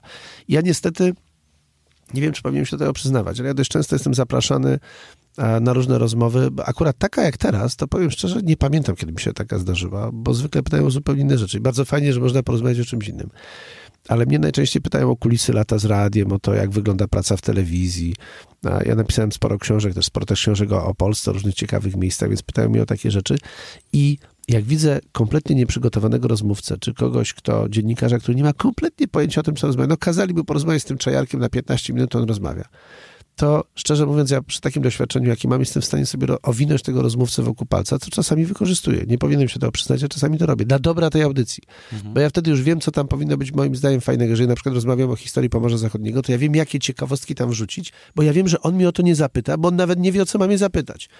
I tylko nie, ja mam no taki dylemat, to czy mówić... którzy przecież uczą tak. tych rozmówców, którzy przychodzą do pana, do radia i, i, i mają no, coś każdy, przekazać. Nie każdy rozmówca słucha tych PR-owców, to też z tym wszystkim różnie bywa i też PR-owcy czasami, to, to czy to prowadzi do takiego strasznie, do takiego pustosłowia, które no, jest też prawda. sporo na antenie i zobaczcie państwo, że na przykład wracając znowu do tych poradnych politycznych rozmów, mhm. te rozmowy prowadzone są praktycznie w każdej stacji radiowej, rano, zwłaszcza rano. Każde radio większe ma ambicje, żeby tam ktoś przeprowadzał taką rozmowę. A teraz zastanówcie się państwo, ilu takich prowadzących te rozmowy tak naprawdę pamiętacie. No wymieniłem tu Konrada Piaseckiego, Bogdana Rymanowskiego, Monikę Olenik, to osoby pamiętacie. Można się z nimi spierać, mogą nas denerwować, mogą nas wściekać, mogą nam się nie podobać ich pytania. No może jeszcze Piotr Kraśko, bo jest parę takich osób, ale i koniec. I naprawdę koniec. A reszta, no jest jakaś rozmowa, my nawet nie pamiętamy. No bo to są właśnie takie rozmowy, no one są po to, żeby było, że u nas dzisiaj rano goście był minister taki czy ktoś taki. No był. Tylko co z tego wynikło? Mhm. Niewiele. Bośmy no, sobie tak grzecznie pogadali. No właśnie, czyli audycja powinna być fajna, czyli mieć to coś, tak? Tyle usłyszałem na razie, żeby była dobra. Znaczy audycja powinna być ciekawa, żeby rzeczywiście ciekawa, nie używać słowa fajna, wartość. tak, powinna, mhm. powinna dawać jakąś wartość i powinniśmy się z niej czegoś dowiadywać. Nawet jeżeli brak wiedzy naszego rozmówcy też, też jest swego rodzaju wiedzą. Przecież ostatnio była słynna rozmowa a, w TVN24 Mm, przeprowadzona z nowym szefem BOR-u, który się już nie nazywa teraz BOR, tylko SOP. No i tam był pan generał. Zresztą ta rozmowa otarła się wczoraj o nagrodę Grand Pressa, o najważniejsze wyróżnienie dziennikarskie. Była w finale, była nominowana, ostatecznie wygrał inny wywiad, ale ten był w ścisłej czołówce. I tam z kolei wartością było to, że nagle się okazywało, że ten nowy pan generał, szef tej służby, która ma chronić wszystkich największych polityków w Polsce, przepraszam, że powiem to wprost, nie ma kompletnie, przynajmniej tak wynika z tej rozmowy, pojęcia o tym, czym się zajmuje. Gadał po prostu głupoty. Mhm. Gadał takie rzeczy, że włos jeżył się na głowie. I e, umiejętnie przeprowadzona rozmowa przez Katarzynę Kolendę-Zalewską prowadziła do tego, że widać było, jak on się coraz bardziej pogrąża. Ale to też była wiedza. To też była wiedza. Ja, zresztą ja słuchałem tego i oglądałem to, bo to jest wywiad telewizyjny. No ale kto zobaczył, to zobaczył też. Oglądałem to, ja to oglądałem z przerażeniem, bo ja byłem zawstydzony za pana generała. Ja się po prostu wstydziłem za za to, jak wielka może być niewiedza, bo najpierw myślałem, że może stres, może nerwy, a potem stwierdziłem, że on naprawdę, chyba tak samo była zaskoczona dziennikarka, która z nim rozmawiała, bo ona się nie spodziewała czegoś takiego na początku, ale potem bardzo umiejętnie to wykorzystała. Więc to nie jest tak, że czegoś się musimy dowiedzieć. Czasami to, że się dowiemy, że ktoś czegoś nie wie, też jest tym, żeśmy się czegoś dowiedzieli, bo to też daje do myślenia, to pokazuje, jak to działa, jak wyglądają te służby, jak się dowiaduje, że kierowca, który wozi panią premier czy pana premiera, to jest y, były kierowca, kurier rozwożący paczki gdzieś tam i to ma być to wielkie doświadczenie doświadczenie w prowadzeniu opancerzonej limuzyny gdzieś tam, no to, no to, no to chyba nie tak, no. Ja też mam kolegów, którzy w aeroklubie latają samolotem, bo i mam takich przyjaciół, ale ja nie wiem, czy oni powinni siadać za sterami F-16 z tego powodu, czy rządowego samolotu. No nie, przecież. A tu jest, mamy taką sytuację. Więc to czasami działa też w drugą stronę. Ale generalnie z każdej takiej rozmowy coś powinniśmy wyciągać. Ona czemuś powinna, to jest jak notatka w Wikipedii. Jeżeli w tej notatce nie ma tego mięska, Mhm. nie będzie tych konkretnych, twardych informacji, to co mi po notatce? Co mi po tym, że będzie napisany Iksiński? No, aktor. No ale i, i co dalej? Gdzie? Jak? Gdzie się urodził? Gdzie się uczył? Gdzie występował? W jakich filmach zagrał? I tak dalej. No oczywiście wywiad jest czymś. Znaczy, w wywiadzie, w radiu jeszcze w ogóle, to w radiu jeszcze ważnym elementem są emocje. A to jest jakby oddzielny Bo wątek zupełnie. Mhm. A, znaczy emocje też widać na, na ekranie telewizora, tylko inaczej. Natomiast w radiu te emocje e, są tacy, którzy nawet jak e, są dyskusje o współczesnych mediach o XXI wieku, to jest bardzo teraz taki silny nurt wśród osób, które zajmują się właśnie teorią mediów, e, który mówi o tym, że w ogóle to, co się teraz w mediach sprzedaje, to są emocje. Nie wiedza, a emocje. I ja bym się pod tym nie podpisał w 100%, bo uważam, że jednak wiedza też jest ważna, ale na pewno e, nie lekceważyłbym tego zdania. Myślę, że w tym jest dużo prawdy, tylko nie, nie, nie, nie, nie właśnie całkowita. To znaczy, jeżeli w rozmowie nie ma żadnych emocji, to e, ona będzie też nudna. I te emocje się I sprzedają. nie przeniesie No, wartości. dlaczego oglądamy mecz piłkarski? Bo nigdy nie wiemy, jak on się skończy. Nawet jak się domyślamy, jak są pewne, to się może wydarzyć coś, co jest nieprzewidywalne. Emocje. Dlaczego oglądamy jakieś historie, które wyciskają z, z oczu i tak? Emocje. Dlaczego wielkie telewizje, które mogły wszystko nagrać, ciągle robią transmisje takie żywcem wzięte skądś tam? Bo inaczej nie wyłapiemy prawdziwych emocji, bo dopiero wtedy te emocje się pojawiają. W nagraniu ich już może nie być. Więc to, to jest być może też odpowiedź na pytanie, czemu radio powinno być często żywe. Akurat podcasty są w trudnej sytuacji, bo to się odtwarza gdzieś tam po tym. Ale być może to powinien być właśnie podcast odtwarzany bez jakiegoś dodatkowego montażu, bez specjalnego przerabiania tego, co my teraz robimy. Bo albo te emocje w tej rozmowie jakieś są i coś fajnego w niej się dzieje, albo ona jest na jednolitym, stałym poziomie, gdzie się nic... Przecież ja tą samą rzeczy mogę mówić tak, Tak, i tak. Można tak. robić na, Mhm. na parę różnych sposobów. To no, można to też ograć w telewizji. No, w radiu tego nie ma jak pokazać, czy w podcaście. Kiedy ja często, mówi pan o tych PR-owcach i o tych politykach, co to są wyuczeni, żeby tam opowiadać. Ja często mówię, że proste odwrócenie rągi, że ja wyciągnę przed siebie ręce i trzymam te ręce teraz tak, że dłonie mam skierowane do góry. I trzymając te dłonie do góry w tej chwili, tak jak tutaj siedzimy przed sobą, ja powiem, słuchajcie, zróbmy coś fajnego i pomacham jeszcze tymi rękami, to trzymając je skierowane właśnie do góry, każdy, kto patrzy na mnie, ma wrażenie, no, przyszedł facet, rzeczywiście coś chciał zrobić. I teraz ja te dłonie odwracam. Odwracam je tak, że mam dłonie skierowane w dół. I też nimi ruszam, dokładnie tak samo. I mówię, zobaczcie, zróbmy coś fajnego. I teraz pomachałem w dół, to rozmówca się patrzy i będzie miał wrażenie, że ten facet albo nie mówi do końca prawdy, albo tak naprawdę wcale mu nie zależy, żeby zrobić coś fajnego. On nie porywa, nie ciągnie, on tłamsi. A wy, ja tylko odwróciłem dłonie, nawet nie zmieniałem intonacji. Tak, Więc tak jak to tak. w obrazie działa, tak samo działa to w radiu.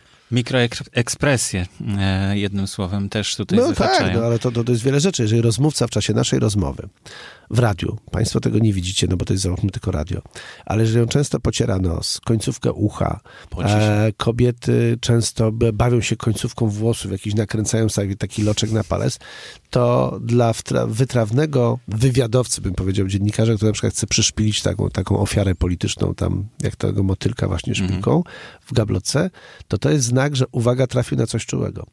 Bo to znaczy, że ta osoba zaczyna się, jeżeli odwraca wzrok od nas, jeżeli te, tak, zaczyna kombinować, to jeżeli zasłania sobie w jakiś sposób usta, pociera kąciki tych ust, coś takiego, no mówię, za uszami gdzieś tam kręci, to, to te, te ręce pokazują pewne rzeczy. One trochę, one trochę pokazują. I też osoba z dużym doświadczeniem prowadząca te rozmowy widzi, że być może tu trafiła na jakiś, choć w intonacji może się wydaje, że jest wszystko w porządku, a że trafiła na czuły punkt, że być może warto ten temat choć przez chwilę dłużej podrążyć. Albo uciekać od tego tematu. No to zależy, co chcemy osiągnąć. Bo jeżeli chcemy wykazać, że to jest najlepszy kandydat na wójta i burmistrza, to tak uciekajmy, bo za chwilę go wkopiemy. Ale jeżeli chcemy wykazać, że to był beznadziejny wybór i w tej chwili to jest kiepski wójt czy burmistrz, jeszcze gorszy minister, czy ktoś inny na jakimś ważnym stanowisku, no to może właśnie brnijmy to.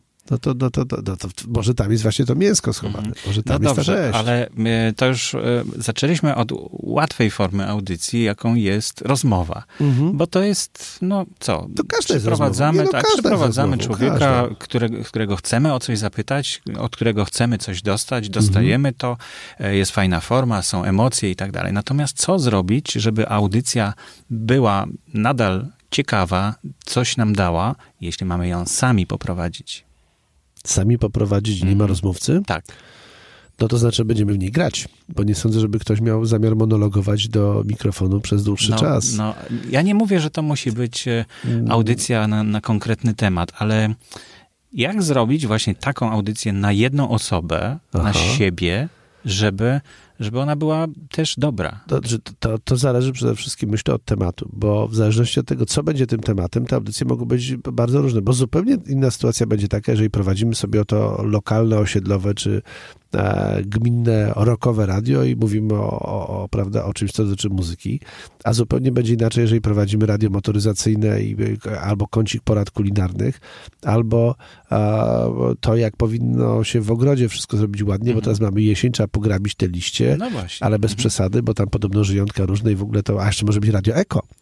I teraz, prawda, jakie to jest modne, tylko to w bogatych rejonach, bo w tych biedniejszych ktoś się stuknie cztery razy w głowę i powie, dajcie sobie, stuknijcie się z tym eko, pomyślcie w ogóle i tak dalej. Ale są przecież rejony takie Warszawy, gdzie tam gdzie, to na wszystko zwracają uwagę, dokładnie. Tutaj bio, eko i w ogóle. I tak, gdyby znali kulisy powstawania tych niektórych rzeczy, to myślę, że by się też niektórzy zastanowili, a to już zupełnie inna historia. Ale to znowu się sprowadza do tego, że w tym programie musi być to coś. I to musi być wcześniej dokładnie przemyślane. No to nie może być tak spod mojego palca na zasadzie, a siadam sobie, coś wam o tej muzyce powiem bo to będzie po prostu słabe.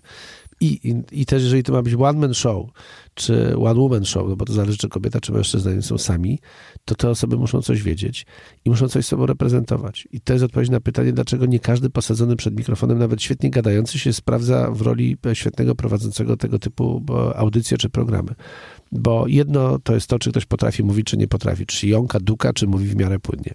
I oczywiście w tych jąkających, dukających się odrzucamy, mamy tych mówiących cudzysłów normalnie. No to już ich mamy. Ale zaraz, zaraz. Ale tak, ja wiem, że odrzucamy, ale dlaczego? Bo na dłuższą metę będzie męczył. Bo on jest naturalny. No ale I, będzie męczył. No tak? jest, jest naturalny, ale są, oczywiście są wyjątki. No teraz e, można szukać bardzo różnych przykładów. Jurek Owsiak jest osobą, która się przecież jąkała i stworzył wielką orkiestrę i, i tę całą ruch, machinę, która wokół niego działa. I ja Jurka znam dość dobrze i byłem przy tych orkiestrach bardzo wielu przez wiele lat i pracowałem przy nich i dalej czasami jak mogę staram się pomagać. Ale zobaczcie, że Jurek nie prowadzi wielkich programów. Jeżeli prowadzi nawet program, to jest to stosunkowo krótki program, bo on jednak tym swoim nie, nie, nie, nie, nie, nie do końca wie, wie, wie, wiem, co... Wymęczyłby słuchaczy. No niestety. No niestety tak jest. Ja wiem, że to... Czy on musi walczyć przekazem chyba, nie? E, on musi walczyć treścią i tym, co robi. Treścią. I on się doskonale, mhm. doskonale zorientował, że tak trzeba robić, bo są pewne ograniczenia. Tu nie ma niestety, w mediach nie ma demokracji. Ja wiem, że to brzmi strasznie, że mamy XXI wiek, że chcielibyśmy, żeby tak było tak równo, żeby wszyscy mieli równe szanse i każdemu mhm. dajmy szansę. Tu nie ma równych szans. Tu nie ma. Tu nie ma równych szans. I e, to, to, to się nie przekłada w prosty sposób. Są pewne mechanizmy, które u odbiorcy powodują, że czegoś się słucha lepiej, a czegoś się słucha gorzej. I żeby użyć prostych przykładów, zwróćcie Państwo uwagę, że 95% stacji radiowych prowadzą mężczyźni. Główne programy radiowe prowadzą mężczyźni. Kobiece głosy nie sprzedają się w radiu. To nie znaczy, że kobiet nie ma w radiu. Są ale te główne, najważniejsze programy w największej ilości, jak Państwo tak sumujecie wszystkie mhm. stacje radiowe, to zobaczcie, że zdecydowana przewaga jest po stronie męskiej. Nie dlatego, że dziewczyny sobie gorzej radzą, absolutnie nie. Po prostu głosy kobiece w radiu się nie sprzedają. Był, było jedno radio, duże, które próbowało zrobić wyłom w tym wszystkim, to było Radio Z. Na początku swojego startu, kiedy jeszcze świętej pamięci Andrzej Wojciechowski tym wszystkim zawiadywał i on sobie na początku wymyślił, że tam będą tylko kobiece głosy, po to, żeby to radio odróżnić od wszystkich innych. Był przekonany, że to jest genialny pomysł i bardzo szybko życie, Polek. badania mhm. zweryfikowało, że to nie jest tak. I on się długo przed tym bronił, ale no, życie jest życiem. To jest komercyjne radio, trzeba zarabiać pieniądze. Nie da się dokładać do tego w nieskończoność. Poległ. Dokładnie poległ. To znaczy trzeba było tych mężczyzn sprowadzić na antenę. I żeby ktoś nie pomyślał, że te panie takie biedne, to ja powiem, że w drugą stronę w telewizji bardziej sprzedają się panie. Niestety. Hmm. I znowu nie obraźcie się, panie, bo e, zdarzyło mi się wiele razy, że jak ja o tym gdzieś opowiadam, czy jesteśmy na jakichś zajęciach, studenci dziennikarstwa, to tak się krzywią, bo wszyscy chcą być tacy politycznie poprawni. I ja wtedy powtarzam jeszcze, słuchajcie, mówię, w mediach nie ma demokracji. Nie ma albo coś jest dobre, albo jeżeli chcemy, żeby było fajne, albo coś się sprzedaje, albo nie. Albo coś jest dobre, ludzie chcą to oglądać czy słuchać, albo nie chcą. I e, choćbyście nie wiem jak zaklinali, że podzielicie porówno prowadzących kobiety i mężczyzn, to zobaczycie, że w radiu męskie audycje będą się sprzedawały lepiej, żeńskie gorzej, generalnie rzecz biorąc, uśredniając, a w telewizji odwrotnie. Lepiej pójdą dziewczyny, gorzej pójdą panowie. Chyba, że będzie chodziło o główne wydania wiadomości dzienników. Wtedy jakby ten męs, przewaga męska znowu się nad paniami pojawia. Ale w każdym miejscu to dziewczyny mają przewagę. I oczywiście są wyjątki. Oczywiście, że są wyjątki, ale one tylko potwierdzają no, ale, regułę. I jeszcze właśnie, to, da, dalej pójdę. Wyniki Poczekaj. badań, które y, wynikają z mentalności społeczeństwa. Chyba, z, tak? To wynika z, znaczy jakby z całego naszego rozwoju mm -hmm. w danym rejonie świata, bo to jest, no to jest tak. też, to nie jest, uwaga, to nie jest wbrew pozorom prawda uniwersalna na całej kuli ziemskiej. To różnie działa w różnych krajach. I znowu prosty przykład, a jak Państwo wyjedziecie na przykład do Stanów Zjednoczonych, pewnie część z naszych słuchaczy tam była, albo nawet na zachód Europy, niech to będą Niemcy, czy niech to będą Wyspy Brytyjskie, słynne BBC chociażby, i posłuchajcie Państwo tam głównych, bo to jest znowu prosty przykład, głównych tych politycznych rozmów prowadzonych, tak jak u nas mówię, Monika Olejnik, Rymanowski, Piasecki, prowadzonej w tamtych stacjach. Zwróćcie uwagę, że tam w telewizji na przykład te najbardziej poważne rozmowy polityczne prowadzą ludzie w wieku, u nas byśmy powiedzieli już mocno przed, przyemerytalnym. Czyli to tak jakby u nas takie rozmowy prowadził ktoś w wieku tatka sznuka, znakomity fachowiec radiowiec, ale akurat nie prowadzi rozmów politycznych, a u nas te rozmowy prowadzą młodsi. Ale to, się, to jest wyraźna specyfika krajów dawnego bloku wschodniego. Po prostu e, uznano, że tam te stare osoby są niewiarygodne i wskoczyło jakby nowe pokolenie. No to tak. pokolenie Tomasza Lisa, ono już w tej chwili ma pod Mhm, pięćdziesiątkę, ale ono 20 lat temu, w 90 roku miało 30 lat. I ono zdeklasowało tych, tych, tych starych, cudzysłów wtedy. Natomiast na zachodzie... Tak, natomiast na zachodzie tego nie było. Gdybyśmy na zachodzie posadzili 30-letniego chłopaka, czy dziewczynę 30, między 30 a 40 Żeby do prowadzenia. Głównego Mhm. wydania wiadomości do komentarza, to większość widzów takiego programu, czy słuchaczy takiego programu uznałaby, że to jest po prostu bez sensu. To jest niewiarygodny facet albo niewiarygodna kobieta, bo co oni mają mi do powiedzenia? Jakie oni mają doświadczenie życiowe? Co oni wiedzą? No prawie nic. Natomiast ten, który ma lat 60 kilka, czy ona nawet, on nie musi super wyglądać. On może czasami nabrać oddechu bardziej świszcząco, czy coś tam, bo już no, lata lecą. Ale on ma coś w głowie. I rzeczywiście ci, którzy tam to robią, robią to tak, że to, tą wiedzę schowaną w tej głowie, ich doświadczenie a, a, procentuje i działa. I to działa. U nas jest troszkę inaczej. Ale e, to, to jest kolejny przykład na to, że nie tylko płeć, także wiek ma znaczenie, w zależności od tego, co robimy. Jaki to jest przekaz? Inaczej będziemy wybierali dziewczynę do prezentowania pogody, inaczej będziemy wybierali dziennikarza do pow- poważnej politycznej rozmowy rano w stacji radiowej. Inaczej to będzie w stacji telewizyjnej, inaczej to będzie wyglądało w stacji ogólnopolskiej, inaczej w stacji regionalnej. Inaczej to będzie w małym regionie i w dużym regionie. Więc to jakby tu można odnajdywać wiele, wiele różnych elementów. Ale musi być to coś. Więc też nie każdy się do wszystkiego nadaje. I e, nie próbujmy, znaczy, znowu mówię, są wyjątki. Jeżeli czujecie Państwo wewnątrz, w środku, i to staram się powtarzać wszystkim studentom, bo ktoś b- b- słuchając takich rzeczy pomyśli sobie, no tak, to ja nie pasuję do tego, nie jestem długonogą blondynką, koniec kariery w telewizji nie zrobię. A z całym moim, b- b- nie obraź się Doroto, bo teraz użyję przykładu Doroty Wellman, z którą jestem zaprzyjaźniony, albo inaczej, Danu Tarin, popatrzcie Państwo kiedyś była na scenie. Czy to są e, szczupłe, długonogie blondynki? Nie. Ale są tak świetne dziewczyny, tak mądre artystki, dziennikarki w tym przypadku, tak inteligentne, z taką głową, z takim poczuciem własnej wartości, mądrym poczuciem własnej wartości, że one potrafiły to zrobić z tego atut. Więc są tacy, da się, ale naprawdę trzeba tę pracę kochać, lubić, szanować. Jeżeli tego nie lubimy i nie mamy wewnętrznego poczucia, że, że naprawdę potrafimy to zrobić, to my tego nie zrobimy. To, się, to za nas nikt tego nie zrobi, nikt nas nie pchnie. Nawet jak po znajomościach niektórzy mówią, że a pewnie to jest po znajomości załatwiane. Znam takie przypadki, że po znajomości ktoś jest wypychany. Tylko, że prędzej czy później tego protektora zaczyna brakować i wtedy się okazuje, że to wszystko jest puste i ta osoba znika. Nikt go nie po latach nie pamięta. Ja widziałem wiele takich osób wciąganych, na- nawet do mojego radia, przez różnych prezesów, przy różnych zakrętach politycznych. Już ich nie ma. Już ich nie ma. Byli, zniknęli. A Tadeusz Sznuk umowny trwa. Prawda? Są pewne osoby, Sznuk, Heiser, Mann, Kaczkowski. Ja mówię teraz o polskim radiu, żeby się zamknąć. Osoby, które wyszły z tego, z, z tego Marek Niedźwiecki, e, Marek Sierocki, które wyszły z tego, z tego kręgu, z tego nurtu, w różnych miejscach teraz pracują. Ale to są pewne symbole i oni sobie poradzili. Bez względu na to, czy to było, czy było w lewo, czy w prawo, jak te wygory się zakończyły kolejne, jak to się potoczyło. Można, można. No można, ale skoro już jesteśmy przy telewizji, która dosyć Mhm. blisko jest em, audycji radiowej, bo mówi się No też nie, audycja, no nie, audycja no telewizyjna, nie, tak? Program. No, Audycja ale radiowa, mówię- program telewizyjny. No, z tego punktu widzenia, jak gdyby, że tworzymy coś, jakiś przekaz dla m, odbiorcy. Mhm. Y, Mówił pan też o tym, że wszystko nam się zaczyna łączyć, teksty z audio, z wideo i, i że takie A multimedia... to jeszcze co innego, multimedialność. Ale to, tak. to, to jakby Mhm. oddzielmy parę rzeczy tutaj, bo, bo, bo nie ma prostego przeniesienia między telewizją a radiem, a przynajmniej między telewizją a każdym radiem. Bo w przypadku stacji telewizyjnych pewne schematy działają zawsze.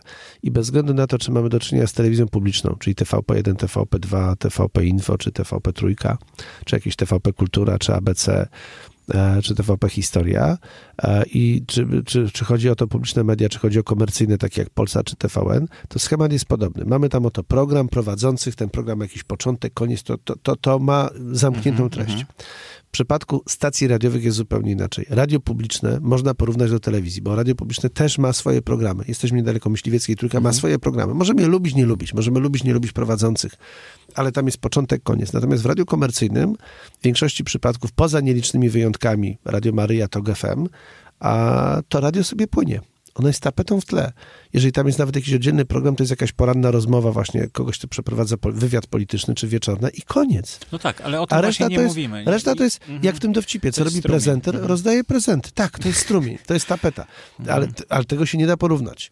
Nie, nie, właśnie to- dlatego, to to dlatego różne chcę, żeby porównywać raczej audycję radiową do audycji telewizyjnej, jeśli w ogóle można No to w grę wchodzi tylko Polskie. Radio, pewnie TOG Tak. FM. Radio Maryja, przekornie powiem, też wchodzi tutaj w grę, no bo tam też są audycje. Tak. Tak, I no teraz, tak. I teraz mówił pan o tych różnicach też, że kobiety bardziej w telewizji, mężczyźni bardziej w radiu. Aha. To chciałbym wiedzieć, jaka treść bardziej w telewizji, a jaka treść bardziej w audio? Mm, ja bym tego tak... y, Zastanawiam się teraz, bo to jest bardzo ciekawe pytanie. Ba, bardzo Czy ciekawe. widać, I, czy widać jakąś różnicę wyraźną, y, nie, że na przyznaję tego tematu to szczerze, nie że nie byłem świadkiem w żadnym ostatnim roku tego typu debaty, czy są pewne rzeczy, które pasują tylko bardziej pod telewizję, czy tylko bardziej pod radio. Wydaje się, że telewizji jest prościej, ale wydaje mi się, że nie, nie prościej może. Telewizja ma większą siłę rażenia. I nawet w, kiedy przyznawaliśmy teraz właśnie nagrody Grand Pressa i jestem świeżo po tym wszystkim w, po obradach żyli, bo to zaledwie kilkadziesiąt godzin minęło od tego momentu, tak jak teraz nagrywamy tę rozmowę, to tam była taka dyskusja i były dwa reportaże zrobione na ten sam temat. Jeden był w telewizyjny, drugi był radiowy. Mhm. A, bo trzy nawet, bo jeszcze była wersja prasowa. I ten prasowy był świetny. Ten radiowy był też całkiem niezły, ale wygrał telewizyjny, bo jego siła rażenia była dużo większa. Bo obraz pokazywał to, czego tamci nie byli w stanie opowiedzieć, nawet stając na rzęsach. Ani w Mhm. radiu, ani, ani w gazecie. Dźwiękiem przekazać? Tak, ani dźwiękiem. Można, można więc i to, y, patrząc na ten przykład, można by pomyśleć, że jednak siła rażenia obrazu jest dużo większa. W związku z czym pewne rzeczy, być może interwencje, być może takie, które mają łapać za serce, być może takie, gdzie nie wszystko da się powiedzieć, a wystarczy coś pokazać, bardziej y, powinny się pojawiać w telewizji, czy na ekranie komputera. No ale na ekranie, na ekranie. Mhm. Natomiast są takie rzeczy jak jakieś zwierzenia, intymne rozmowy, które tego obrazu wcale nie potrzebują, które mogą być radiem. Czyli No, jeżeli... ale istnieją w telewizji. Przecież te słynne rozmowy e, Grzegorza Miecugowa w TVN Mhm. 24, tak? Które e, inny Tak, punkt ale one widzenia. były- To były audycje radiowe tak naprawdę, tylko w studiu telewizyjnym A, robione. tak, ale zobaczcie, że było ich stosunkowo niewiele. Że to jest taki jeden przykład i gdybym miał znaleźć jakiś kolejny, to bym już miał wielki problem ze znalezieniem czegoś innego, pod, podobnego takiego, bo ja już sobie w żadnej innej telewizji nie kojarzę tak poważnych rozmów na taką skalę. Nie ma, Mhm. nie ma. A w radiu jest. No właśnie, czyli to, to może ta jest. różnica jest. Czyli tak? e, e, być może, ra, znaczy w ogóle radio też, e, być może w radiu, tam gdzie jest dźwięk, e, i to jest taka podpowiedź dla tych, którzy nas teraz słuchają, że myślą o tym, żeby coś zrobić fajnego, da się łatwiej tę intymność wykrzesać. Da się, jednak kamera powoduje to, że oprócz nas pracuje na tym planie jeszcze kilka innych osób. Choćbyśmy nie wiem, jak to uprościli, bardzo trudno jest zrobić tak, żebyśmy sami nagrywali wszystko. Ktoś musi nam w tym wszystkim jednak pomóc. No, Zwykle, a czasami nawet więcej niż jedna osoba. W radiu może być tak, że jestem tylko ja i rozmówca. No i to coś, co przyniosłem do nagrywania ten mikrofon. Ale na przykład to jest ostatni moment, żeby zarejestrować to, co pamiętają jeszcze ci ludzie, którzy mają teraz 80-90 lat. To jest ostatni moment, żeby z nimi porozmawiać. Jeżeli ktoś szuka świadectwa pewnych wydarzeń, które miały miejsce w Polsce, jeżeli się kłócimy o to, jak ta historia wyglądała, jaka ona była, a teraz się kłócimy i to bardzo mocno. I często nawet z tygodnia na tydzień się pojawiają jakieś, bo ktoś coś wyciągnął. No dzisiaj się media są rozgrzane odnalezionymi listami Kiszczaka do, do Wałęsy i te listy, które, ale czyta, mamy oto dokument i w tym liście jest coś tam napisane. I, ale jakby dopiero umiejscowienie tego dokumentu na tle wydarzeń i w konkretnym kontekście ludzi pokazuje, co autor miał na myśli. Mhm. Bo może ten dokument był blefem. Owszem, można sobie przeczytać od A do Z, co tam jest, ale nie znając kontekstu, można to bardzo różnie interpretować. Bo już słyszę, że odnaleziono listy Kiszczaka do Wałęsy, to jest połowy lat 90., 93, 94 rok. Czy Kiszczak szantażował prezydenta Wałęsy? Czy Kiszczak wiedział coś więcej? Dlaczego Kiszczak zbierał wycinki i podkreślał sobie wszystkie wywiady, gdzie Wałęsa mówił o tym, że nie byłem agentem, a on to sobie zaznaczył na czerwono? Czy to jest dowód na to, że Wałęsa jednak tym agentem był, jak dzisiaj usłyszałem w jednych mediach, czy jak usłyszałem w innych, jest to dowód na to, że właśnie absolutnie nie był. A Kiszczak próbował go złapać za rękę, bo mu się ciągle wydawało, że pociąga za sznurki, choć już dawno nie pociągał, bo już ta epoka PRL minęła. To już był 93, 94, już było papa. To, już- to już nie on był ministrem tam, czy wicepremierem, czy ministrem obrony i tak dalej, czy szefem MSW w tym przypadku. Więc ani on, ani Jaruzelski już tych sznurków nie pociągali. Więc w zależności od tego kontekstu można to bardzo różnie zinterpretować. I to jest ostatni moment, e, wracam do punktu wyjścia, żeby nagrać te osoby, które ten kontekst pamiętają, widziały. Jeżeli możecie to pójść zdokumentować, jeżeli macie coś do nagrywania, jeżeli macie w sobie tyle odwagi, by pójść do kogoś, kto brał udział w jakichś ważnych wydarzeniach i zapytać, jak było naprawdę. On też wam nie przedstawi obiektywnej e, wersji, bo on przedstawi wam swoją wersję, ten ktoś. Ale jeżeli znajdziecie kilka takich osób, to się do tej wersji najbardziej zbliżycie. To jest bezcenne. Ja ostatnio miałem niesamowitą przyjemność e, spotkania z kombatantami. Też rozmawiałem z tymi, którzy z tymi kombatantami dużo częściej się spotykają niż ja. To było w ramach takiej akcji, która tym kombatantom ma pomagać, bo wielu z nich klepie teraz biedę, mówiąc wprost. Jest naprawdę kiepsko. To są ludzie w bardzo podeszłym wieku, nie ma rodzin, śmieszne emerytury, śmieszne renty. To są ludzie, którzy walczyli o Polskę w bardzo różnych miejscach. 39 rok, a 44 powstanie warszawskie, ale już na przykład Afganistan też się pojawiają już tacy kombatanci też. Lata 40, końcówka, początek lat 50., ta partyzantka w lesie niepodległościowa. I nagle się okazuje, że ci ludzie potrafią się pokłócić między sobą o jedno wydarzenie.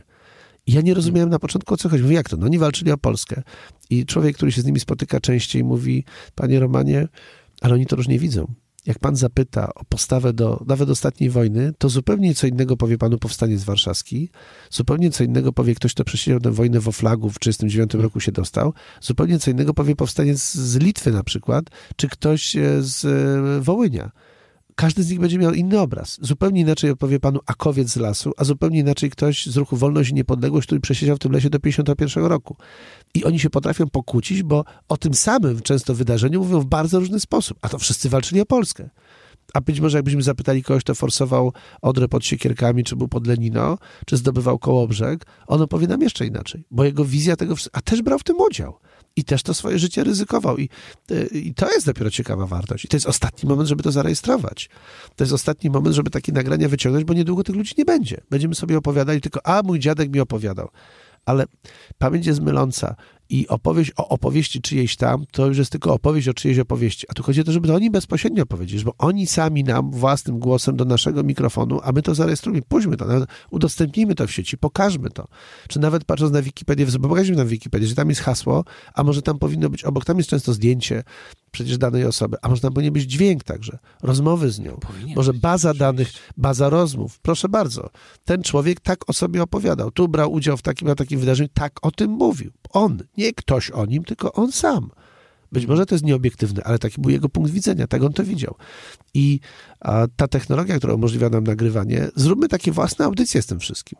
Bo to będzie miało, to, to może mieć niesamowitą wartość. Nikt tego innego nie zrobi. Jak my tego nie zrobimy, to przepadnie. I To Skorzystajmy jest, z tej to jest możliwości. znakomita możliwość, żeby poćwiczyć też.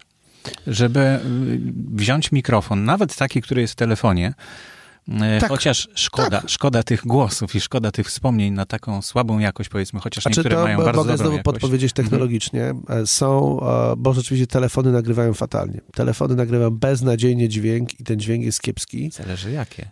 Wszystkie. Wszystkie. No, nie, oczywiście no, są, lep- bardzo ładnie to są lepsze, gorsze. E, Nie, nie nagrywają już. Mówię dlaczego? Bo tym mikrofonem tutaj w środku nie da się przekroczyć. Fizyki się nie zmieni. Ten mikrofon ma 2 mm. On się nie, nie, ma, nie zwiększy. Nie zmieni się fizyki. Jedynym sposobem, żeby każdy z telefonów nagrywał dużo lepiej i żeby także iPhone, jest to, żeby podpiąć do niego zewnętrzny mikrofon. I są takie firmy, ja polecam Państwu iRinga, to jest firma, która się specjalizuje właśnie i to a całkiem niezły mikrofon do telefonu, bo ja też takiego korzystam, do telefonu komórkowego da się kupić za niecałe 200 zł, razem z oprogramowaniem Bez karty wszystkim. dźwiękowej, tylko po prostu w, E, mikrofon, mikrofon włącza, który się wkłada w gniazdko słuchawkowe w telefonie Mhm. i oprogramowanie, które zamienia to gniazdko wewnątrz telefonu software'owo mhm. na gniazdko, z gniazdka słuchawkowego na gniazdko mikrofonowe i jak Państwo sobie nagracie choć mały kawałek tym mikrofonem, podpiętym po prostu pod naszą kurkę, zobaczcie gigantyczną różnicę w jakości, gigantyczną także w tym iPhone'ie.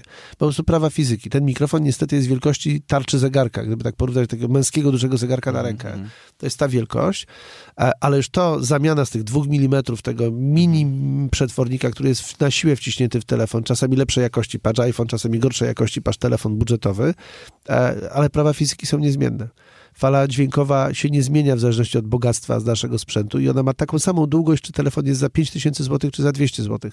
Więc smartfon z tym 2mm mikrofonem będzie tak samo ułomnie tę falę dźwiękową nagrywał, bo nie ma szansy, żeby to nagrał lepiej, po prostu, bo fizyka, bo prawa fizyki. Podłączcie sobie mikrofon z zewnątrz i wtedy nagrajcie. Polecam. Mhm. Spra- nawet pożyczcie, sprawdźcie. I z czymś takim do tego kombatanta. To nie musi być kombatant, to może być ktoś, a może nasza rodzina. Może to jest ostatni moment, żeby zbudować drzewo genealogiczne naszej rodziny. Żeby tę całą historię odtworzyć, żeby zapytać babcię, dziadka, kto jest na tym zdjęciu. Bo potem dziadek umiera, babcia odchodzi, my przejmujemy po nich archiwum, nawet nie chcemy tego wyrzucić, bierzemy. No i jest pełno zdjęć. Kto to jest? Wujek Czesiek, a może wujek Wacyk, ciocia Zosia? A w Poznaniu, nie, w Krakowie, a może w Warszawie. Kurczę, nie wiemy. Jak tam jest coś charakterystycznego w tle, to jeszcze można poznać. Jak to jest park, to już tak naprawdę nie wiadomo gdzie. Czasami z tyłu ktoś jeszcze napisał tam Poznań 1952, no to jest pewien trop.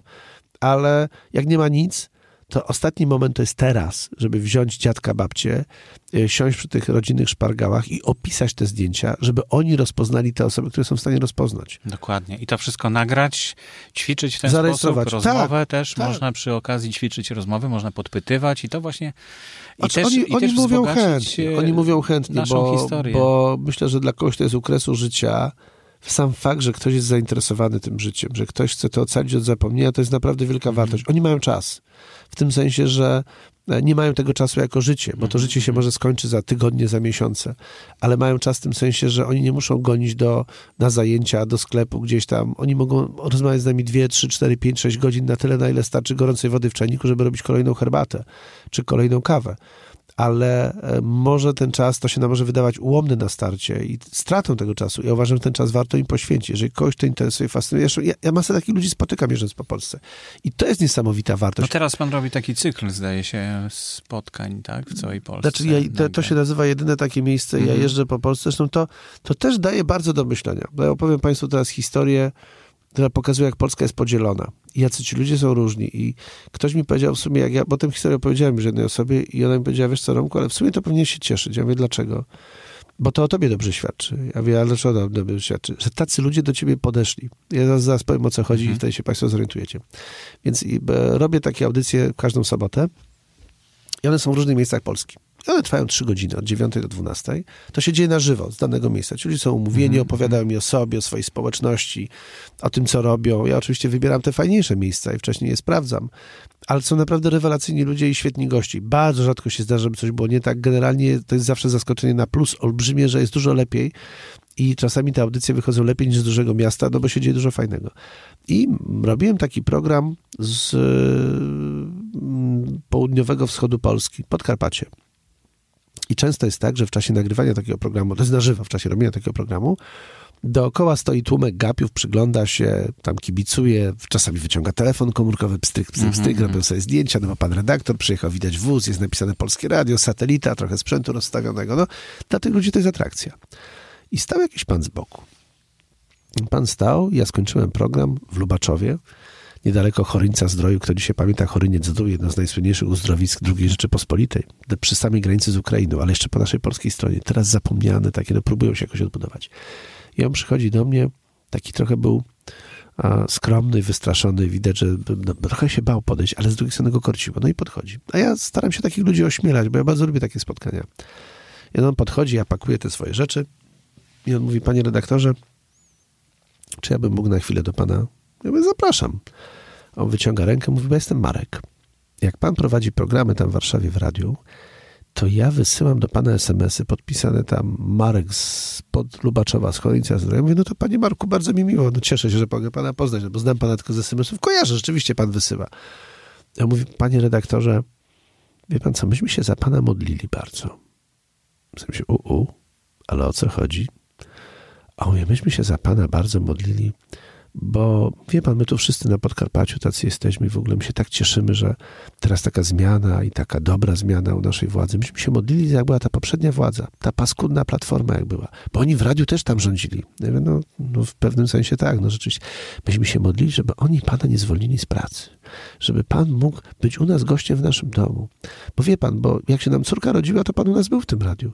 I jak ona potem wychodziła za mąż, to pan też był te paręnaście lat później jak się rozwiodła z tym e, Wackiem tam, bo on się nie okazał dobry. Pił chłopak i w ogóle nie w porządku był. Ja, wie pan, u nas się rozwodów nie lubi, ale czasami nie ma wyjścia. To pan też u nas w tym radiu był. Pan jest u nas jak członek rodziny.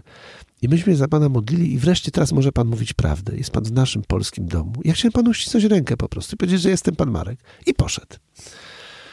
No i parę dni później jestem w Dziwnowie. Dziwnów to jest drugi koniec Polski, północny zachód. Moje rodzinne strony, bo jestem zachodniopomorskie. Stoi z boku gość. Taki był fikofago trochę, taki roboczy, bo od pana Marka. Bardzo podobna sytuacja. Kończy się audycja i on do mnie podchodzi i mówi, co, mogę tutaj do ciebie, mogę mówić Romek, nie? W, w, porze, bo ja jestem tam Krzysiek, wiesz. Ja mówię, no cześć Krzysiek.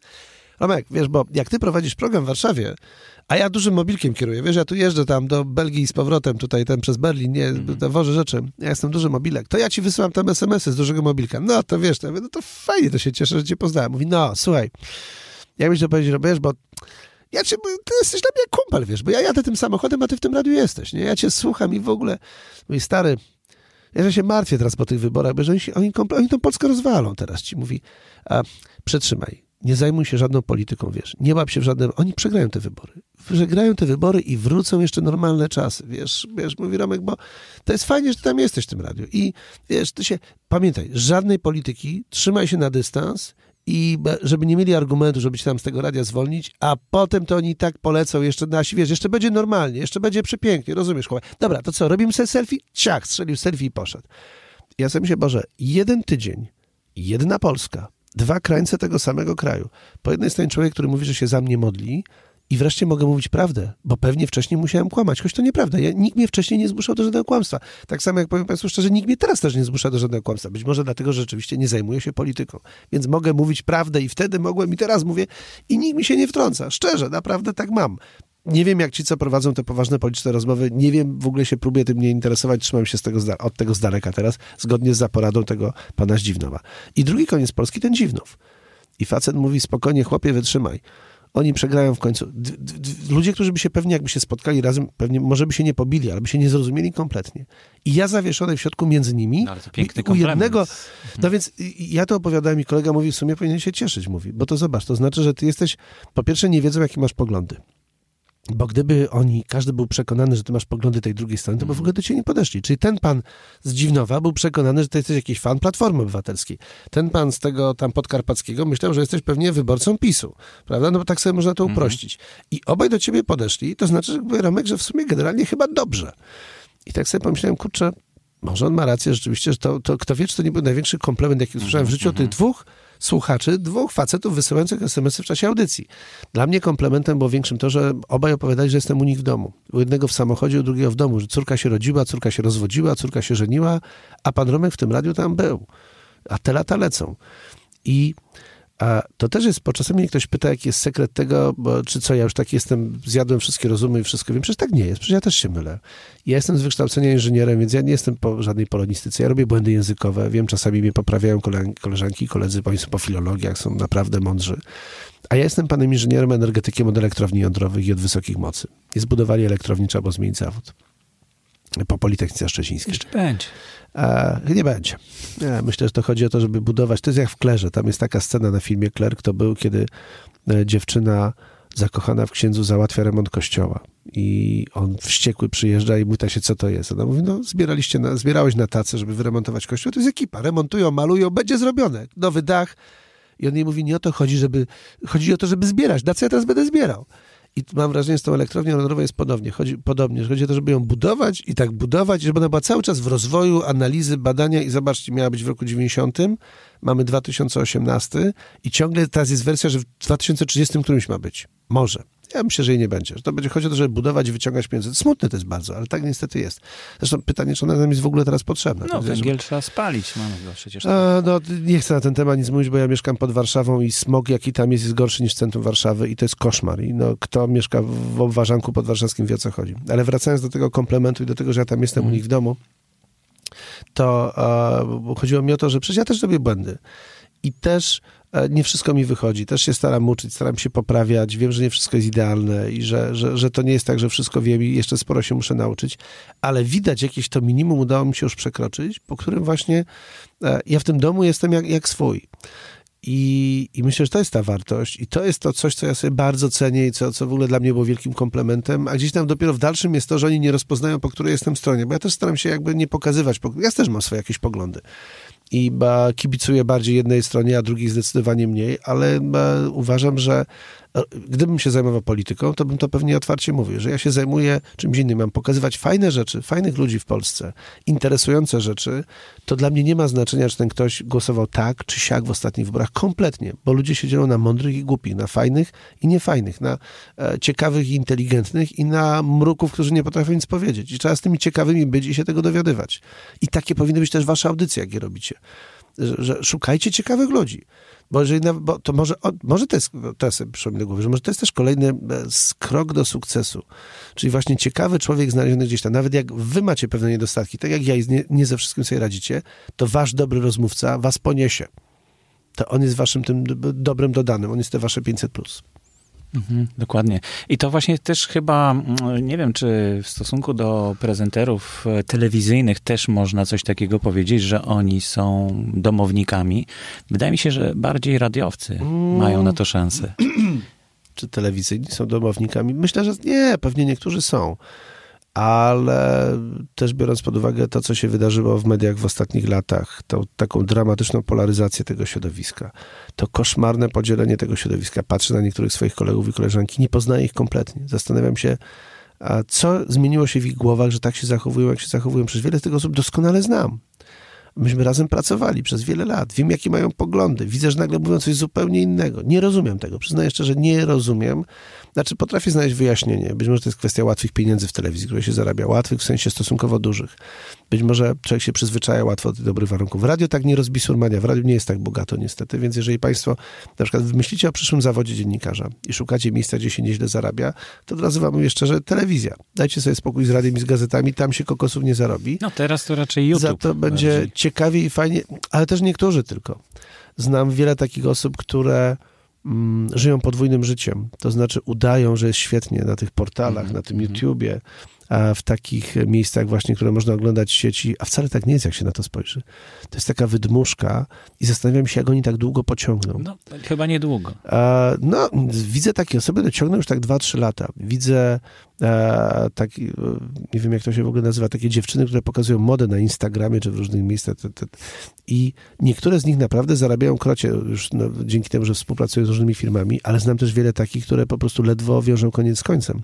I jak się do nich pójdzie do domu, to nie wygląda jak na tych zdjęciach. Mhm. I ja potem nagle widzę jakby dwa światy, a potem sobie włączam telefon komórkowy, wchodzę na ten Instagram i mówię, kurczę, tutaj taka lala i w ogóle wow, a to tak wcale nie tak ten.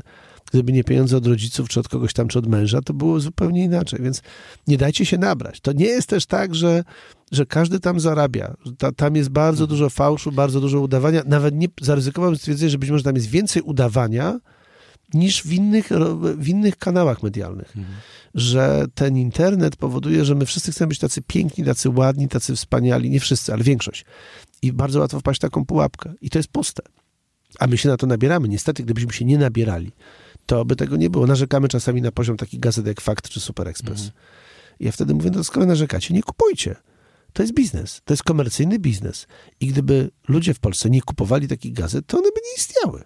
Ale to samo Są straszne, panie redaktorze, to, samo jest w koszmar, jak oni mogą. Ja wiem, Przecież wiem, no, jak ale... nie chcesz tego, to nie oglądaj i też nie Tak. będzie widać tych wyświetleń No tak. i ta osoba szybciej zmieni e, tak. swój, No, swój ale pomysł z jakiegoś powodu my klikamy. Mhm. Z jakiegoś powodu my to klikamy. Jeszcze mam jedno pytanie, już na koniec, zupełnie, ostatnie. No, bo musimy już powoli kończyć, bo muszę po dzieci do przedszkola No właśnie.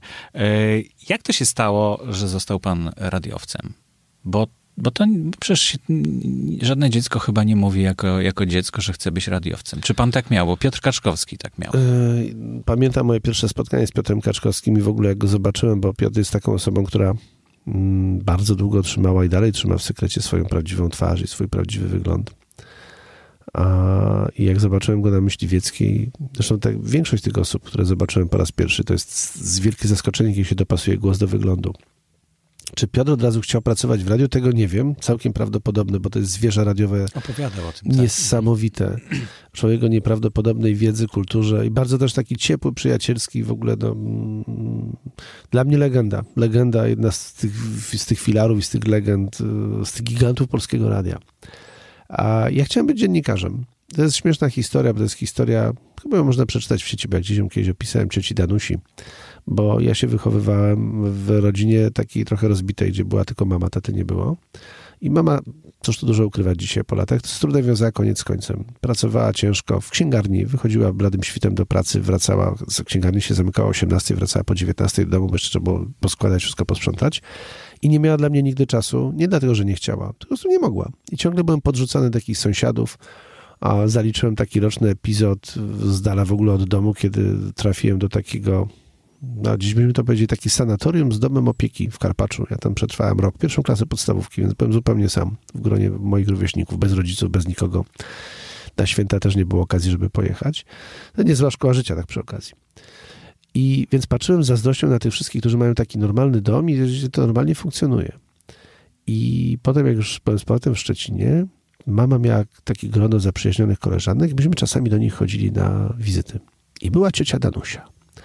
U cioci Danusi był pierwszy telewizor w domu. Najpierw czarno-biały, potem kolorowy. Wow, w latach 70. na początku kolorowy telewizor to było coś. Z pilotem. Rubin. A chyba nawet polski Jowisz, to nawet nie był ten Rubin z suwakami. Rubin nie miał pilota, a Jowisze miały pilota. No, nasza technologia była jeszcze lepsza. To, więc ciocia miała... To, to, jakoś męża też nie było często w domu widać, choć on tam był. Wujek Henryk, była ciocia Danusia, mieli dwójkę dzieci, syna i, i córkę. I ciocia zawsze miała pełno czasu. Pełno. Moja mama była zabiegana, nie była w stanie w domu nawet zrobić często podstawowych rzeczy, była tak zmęczona, jak wracała z pracy, a ciocia miała pełno czasu. I ja zebrałem się na odwagę i będąc chyba w drugiej czy w trzeciej klasie podstawówki, zapytałem, co ciocia robi. I dowiedziałem się, że ciocia jest dziennikarką. I ja wtedy jeszcze nie rozumiałem, co to jest dziennikarz. Nie znałem mm, pojęcia tego, tego słowa i nie, nie do końca pojmowałem, co ono oznacza, ale zapamiętałem sobie, że ja chcę być dziennikarzem, bo mi się to życie cioci bardzo podoba. Potem się okazało, że ciocia była dziennikarką czegoś, co nazywało się magazyn rodzinny. To było takie kolorowe pismo wydawane w czasach PRL-u w Warszawie, taki odpowiednik polskiej burdy perelowski. I wtedy, w tamtych czasach, pamiętam, bo ja zaczynałem wtedy jeszcze pracę, potem pod koniec lat 80., będąc na studiach i kończąc y, szkołę średnią i potem będąc na studiach, o, ona wtedy się pisała tekst tylko jeden na miesiąc. Dzisiaj raz na miesiąc musiała napisać tekst i za to już normalnie pracowała. A z kolei mąż też był dziennikarzem, ale on pracował w miesięczniku Morze i pływał w kółko w rejsy. Wtedy różne, wtedy mieliśmy sto kilkadziesiąt statków, mhm. PZM, PLO, wielkie linie, prawda, żeglugowe. I oni zabierali dziennikarzy, żeby oni dobrze pisali o pracy polskich rybaków, marynarzy. Zresztą naprawdę ci ludzie wyrobili wiele dobrego. Więc wujek cały czas pływał, przywoził do... Dewizach zarabiał przecież, diety były w mhm, dewizach, mhm. zwoził różne rzeczy. No. To nie tylko ten kolorowy telewizor kupiony potem tu w Polsce pewnie za dolary w Peweksie, bo to się tam kupowało także polskie produkty te, których nie było. Ale chciałem być dziennikarzem. A potem było tak, że kiedy szukałem tego miejsca pierwszego, gdzie mógłbym pójść, to ponieważ ja byłem na Politechnice Szczecińskiej, tam było Akademickie Radio Pomorze. To był jeden z największych ośrodków akademickich radiowych w Polsce. Na przykład to, śmiesznie to się układa, bo wszyscy myślą, że największe radio jest w Warszawie. Jeżeli chodzi o radio teraz publiczne, to tak. Największe radio publiczne jest w Warszawie, największe komercyjne jest w Krakowie, bo to jest RMF FM, ZK jest dopiero dalej. Natomiast największe radio akademickie w Polsce dalej jest w Szczecinie, to jest Akademickie Radio Pomorze. Olbrzymie, wiele bloków studyjnych nagrania, jedyny wieloświat wśród radiów studenckich, gdzie się nagrywało Stare Dobre Małżeństwo, czy tym podobne zespoły. Wow, na tamte czasy. Czy Koena, który pierwszy raz przyjeżdżał do Polski, to nagrywało prywatne akademickie radio, a nie radio publiczne. Famę chyba obsługiwało. Fa tak, cała fama. Cała fama, dokładnie tak. Że jeździłem na te famy, wszystkie rejestracje famy, dokładnie tak, w 100%. Właśnie dzięki temu, że miało możliwości sprzęt. I pewnie gdyby tam była gazeta czy telewizja, do telewizji jeszcze wtedy nie było takich małych, to pewnie bym trafił gdzie indziej. No ale było radio, to trafiłem do radia. A jak już połknąłem to radio, to już potem tak, tak już potem leciało. I miałem chyba dużo szczęścia, że trafiłem na dobrych ludzi, bo nikt mnie na początku nie przegonił. Kiedy ja przyszedłem do Polskiego Radia w Szczecinie, jeszcze wtedy i zapukałem, powiedziałem, że ja chcę tu pracować, to spojrzeli się na mnie jak na kompletnego wariata, bo rzeczywiście wtedy się po znajomości załatwiało takie rzeczy, ale nie powiedzieli do widzenia, czy dziękujemy, ale nie ma miejsca, tylko ktoś powiedział, no proszę, tak bardzo chce, proszę, tu jest magnetofon, pan idzie i pan nagra. Ale ja już umiałem, bo ja już po tym radiu akademickim umiałem Mhm. i w zaskoczeniu przyniosłem nagranie z takiego pierwszego wyjścia i to było takie, a? No proszę bardzo. No i tak to się zaczęło. Mhm. Już zostało. A gdyby pan miał ostatni, już naprawdę ostatnie No, bo muszę, bo mi zamknął Gdyby pan miał no. wybrać teraz, tak, A to 40 kilometrów tak, prawie. zupełnie bez jakiegoś nacisku, czy radio, czy telewizja? Myślę, że wybrałbym jeszcze inaczej, że patrząc na dziś, to wybrałbym. E, myślę, że słowo internet jest złym słowem, ale generalnie wybrałbym to, co się przenosi teraz do tych multimediów i przenosi się do sieci. Bo e, to nie tak jest, że radio się kończy i ono zniknie. I to nie jest tak, że telewizja się kończy ona zniknie, bo myślę, że jeszcze przez wiele lat nie zniknie, ale będzie się stawała pewną specyficznego rodzaju niszą. I radio, i telewizja, tak samo jak gazety. Natomiast to, co naprawdę będzie ważnego, przeniesie się do sieci. Czy w tej, czy w innej formie. Być może ta forma jeszcze nie do końca wykrystalizowała. Być może niektórzy teraz badają ten rynek, te słynne programy o Neturano i tak dalej, ale patrząc na liderów tego, co się dzieje. A pamiętam moment, kiedy e, Robert Stankiewicz przechodził z Rzeczpospolitej do Onetu, wszyscy się pukali w czoło dziennikarze. Co on robi? Facet, który ma taką pozycję w Rzeczpospolitej, w takiej gazecie, on będzie pracował w jakimś onecie, w internecie, coś tam, a teraz zdobywa nagrody teraz e, zdobywa pierwsze nagrody w najwyższych konkursach, więc e, okazuje się, że można. Natomiast to dużo zależy też od szefów, bo jeżeli nie będą patrzyli tylko na klikalność i liczyli te odsłony stron, to się pójdzie prostą komercję. To rozebrana pani, czy piękna aktoreczka i kolejna plotka o tym, czy prezydentowa ma takie czy inne kozaczki, będzie najważniejszą rzeczą. Myśmy ostatnio robili taką akcję Choinki Jedynki, robimy od bardzo wielu lat, po raz 17, ja tam jestem od samego startu w Polskim Radiu. Fajna, charytatywna akcja. I patrzyłem potem na relacje. No i właśnie relacja na plotku, pudelku. Głównym tematem było to, w jakich butach przyszła pani prezydentowa, a tam wszystkie prezydentowe od samego początku miały kolejny patronat. Od Jolanty Kwaśniewskiej przez e, panią Marię Kaczyńską i przez e, panią Komorowską, aż po panią Agatę Kornhauser-Dudową. I oni wszystkie przychodzą, bo to jest akcja charytatywna. I naprawdę te kozaczki nie mają żadnego znaczenia. Ale co się klikało? No kozaczki. Tam były tylko kozaczki zdjęcia pani prezydentowej, tylko tego, czy buty. Świetne dopełnienie stylizacji pani prezydentowej. Ani słowa o tym, znaczy jedno słowo, że to przy okazji jakiejś tam akcji, ale komu, gdzie, kto zbiera, na co, kto chce komu, to nie miało żadnego znaczenia. I to jest straszne. Takiego dziennikarstwa w sieci nie robić bym nie chciał. Ale ten Onet, czy parę innych rzeczy, czy Wirtualna Polska, czy i różne inne jeszcze próby, czy właśnie te podcasty, wielu podcasterów, to zaczyna żyć, to w ogóle żyje własnym, to jest oddzielny świat, super świat, bardzo fajnych ludzi, z którymi się chce pracować, bo im się chce. I to jest najważniejsze. E, Daje olbrzymią nadzieję, więc myślę, że gdybym miał teraz wybierać, to już bym poszedł tam. No mówię To, to, zapraszamy. Pana audycja jest w internecie? moja Na stronach Polskiego Radia? jest. Jest, ja jestem Ta jedną od dziewiątej, tak? jest, 16? ja jestem bardzo jedną z niewielu osób, która na przykład robi w ogóle internetowe od pewnego czasu wersję internetową, robi tak zwane jedyne takie miejsce ekstra. No na razie ma parę minut, Mhm. ale ono jest związane z tematem audycji. A jak się wejdzie, to mo- można sobie tam zobaczyć takie multimedialne pliki, gdzie ja chodzę i pokazuję coś, czego w radiu nie było. Mówię, Mhm, słuchajcie, mhm. nie mogę wam na, na przykład Międzyrzecze ostatnio, e, dwa tygodnie temu, podziemia, te, te, 7, te 30 metrów pod ziemią, 7 pięter w dół. Mówię, zejdźmy tam razem, zobaczycie. Ja to robię co prawda sam, ja tam jestem sam, więc ja mam do dyspozycji komórkę, swojego taskama do nagrywania, Mhm. mikrofon, aparat Canona i trochę obiektywów i koniec. Muszę tym ogarnąć wszystko. I, i gimbala, który mi się ostatnio pękł, bo za, za tani kupiłem chiński. Niestety muszę kupić lepszy stabilizator, bo, bo teraz musiałem z ręki, bo on wysiadł po prostu w tej, w tej wilgoci zupełnie i się posypał. Więc trzeba kupować nie plastikowe podróby, jednak metalowe, mocniejsze rzeczy. Też nauczka taka dla mnie. Ale ja próbuję to ogarniać. Aczkolwiek też mi się zdarza, że przychodzę do radia, mm, nie powiem kto po nazwisku, ale mam parę osób w radiu, które do mnie przychodzi i stuka się w czoło i mówi, Romek, po co ty to robisz? Bo co, dostajesz za to ekstra kasę? Mhm. Nie. To zrób audycję i nie rób nic więcej. Ja mówię, słuchajcie, to jest fajne. Nie Świat idzie w tą się, stronę. Tak, nie wychylaj się. Tak, ale jak ty robisz, to potem do nas przychodzą i mówią, co No pan czy pani nie zrobi? Bo pan Romek był, to jeszcze zrobił nagranie tam i tam i tam i filmik przysłał i w ogóle to jest zmontowane, a kurczę, a, a tutaj nie ma. Ja mówię, no ale płacą ci? Nie. No to właśnie naprawdę nie może zrób na żywo. Już nic nie komu. Ja na, na żywo to ja robię, ja to robię obok. Dlatego to nazwałem ekstra na razie, wymyślimy być może jakąś lepszą nazwę na to, ale to tam jest.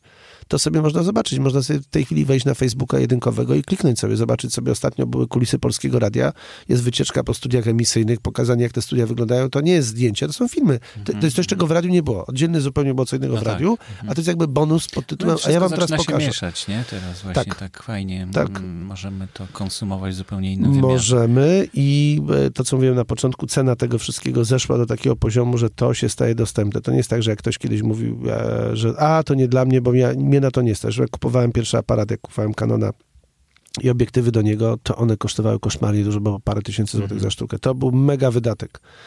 Czy pierwszy magnetofon mój reporterski, kupiony za 700 y, marek zachodnio-niemieckich w Berlinie Ucher? Zachodnim. Nie, nie, nie, kaseciak Sonego ze zmienną prędkością. Uchera miałem wcześniej, Uchera miałem służbowego, natomiast Ucher był duży, ciężki. To jest, on do dzisiaj działa, ten kaseciak Sonego, mam go odłożony, trzeba tylko wałeczki przeczyszczać co pewien czas. To był B- WMD6C, tak się nazywa ten model, można go sobie wygooglać, jak ktoś jest ciekaw. To jest bardzo ciekawy taki Walkman kasetowy z, z głowicą bardzo wysokiej jakości, z Dolby BC, z HX Pro, z płynną regulacją prędkości taśmy. Można przyspieszać, zwalniać tam do paru procent w lewo, w prawo, z odsłuchem po taśmie. Z zapisem oczywiście także na taśmach metalowych, na taśmach chromowych. I to jest wszystko niewiele większe od rozmiarów kasety magnetofonowej. Mhm. I to działa. To kosztowało 700 kilkadziesiąt marek, to była Mikrofon równowartość małego Fiata. Nie, nie, mikrofon zewnętrzny. Nie, nie, tam się nikt nie Ale bawi w gniazdko odbudowę. było, tak? Oczywiście, z Fantomem. Jak najbardziej, nie, to, to jest profesjonalny magnet, to się nazywa WMD6C Professional. Mhm. To jest tak profesjonalna seria magnetofonów reporterskich firmy Sony, która była absolutnym liderem wtedy w tej technologii.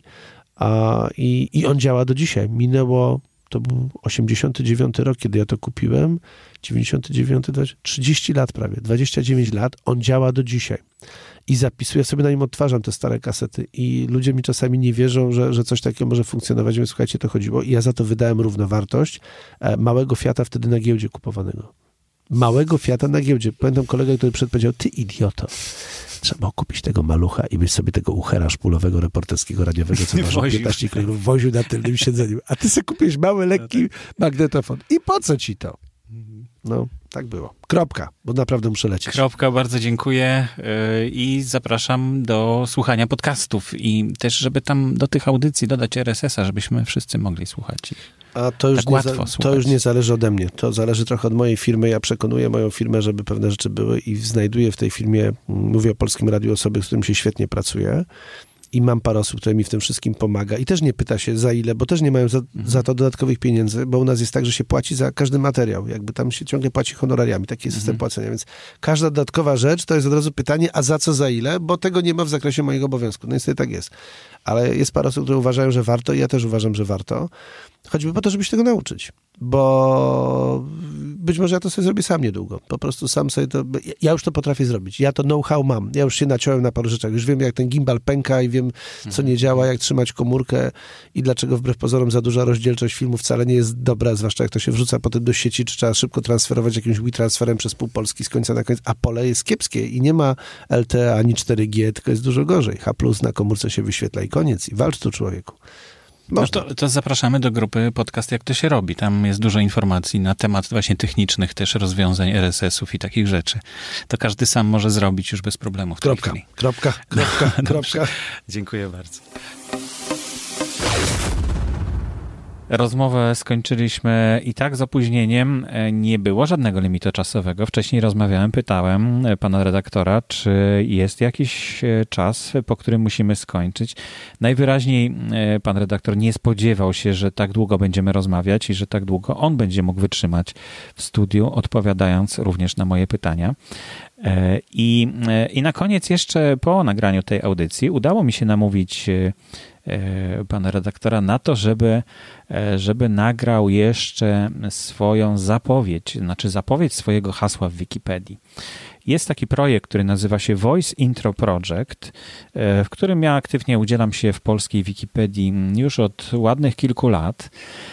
Staram się pamiętać o tym, że jeśli rozmawiam z kimś znanym, z kimś, kto jest, ma hasło swoje w Wikipedii, o sobie w Wikipedii, to żeby poprosić go o takie nagranie. E, już całkiem sporo jest tych nagrań. Możecie posłuchać ich klikając na linka w notatkach do dzisiejszej audycji. E, tam będzie kategoria właśnie polskich e, notat, polskich audycji, polskich właśnie takich zapowiedzi do haseł Wikipedii.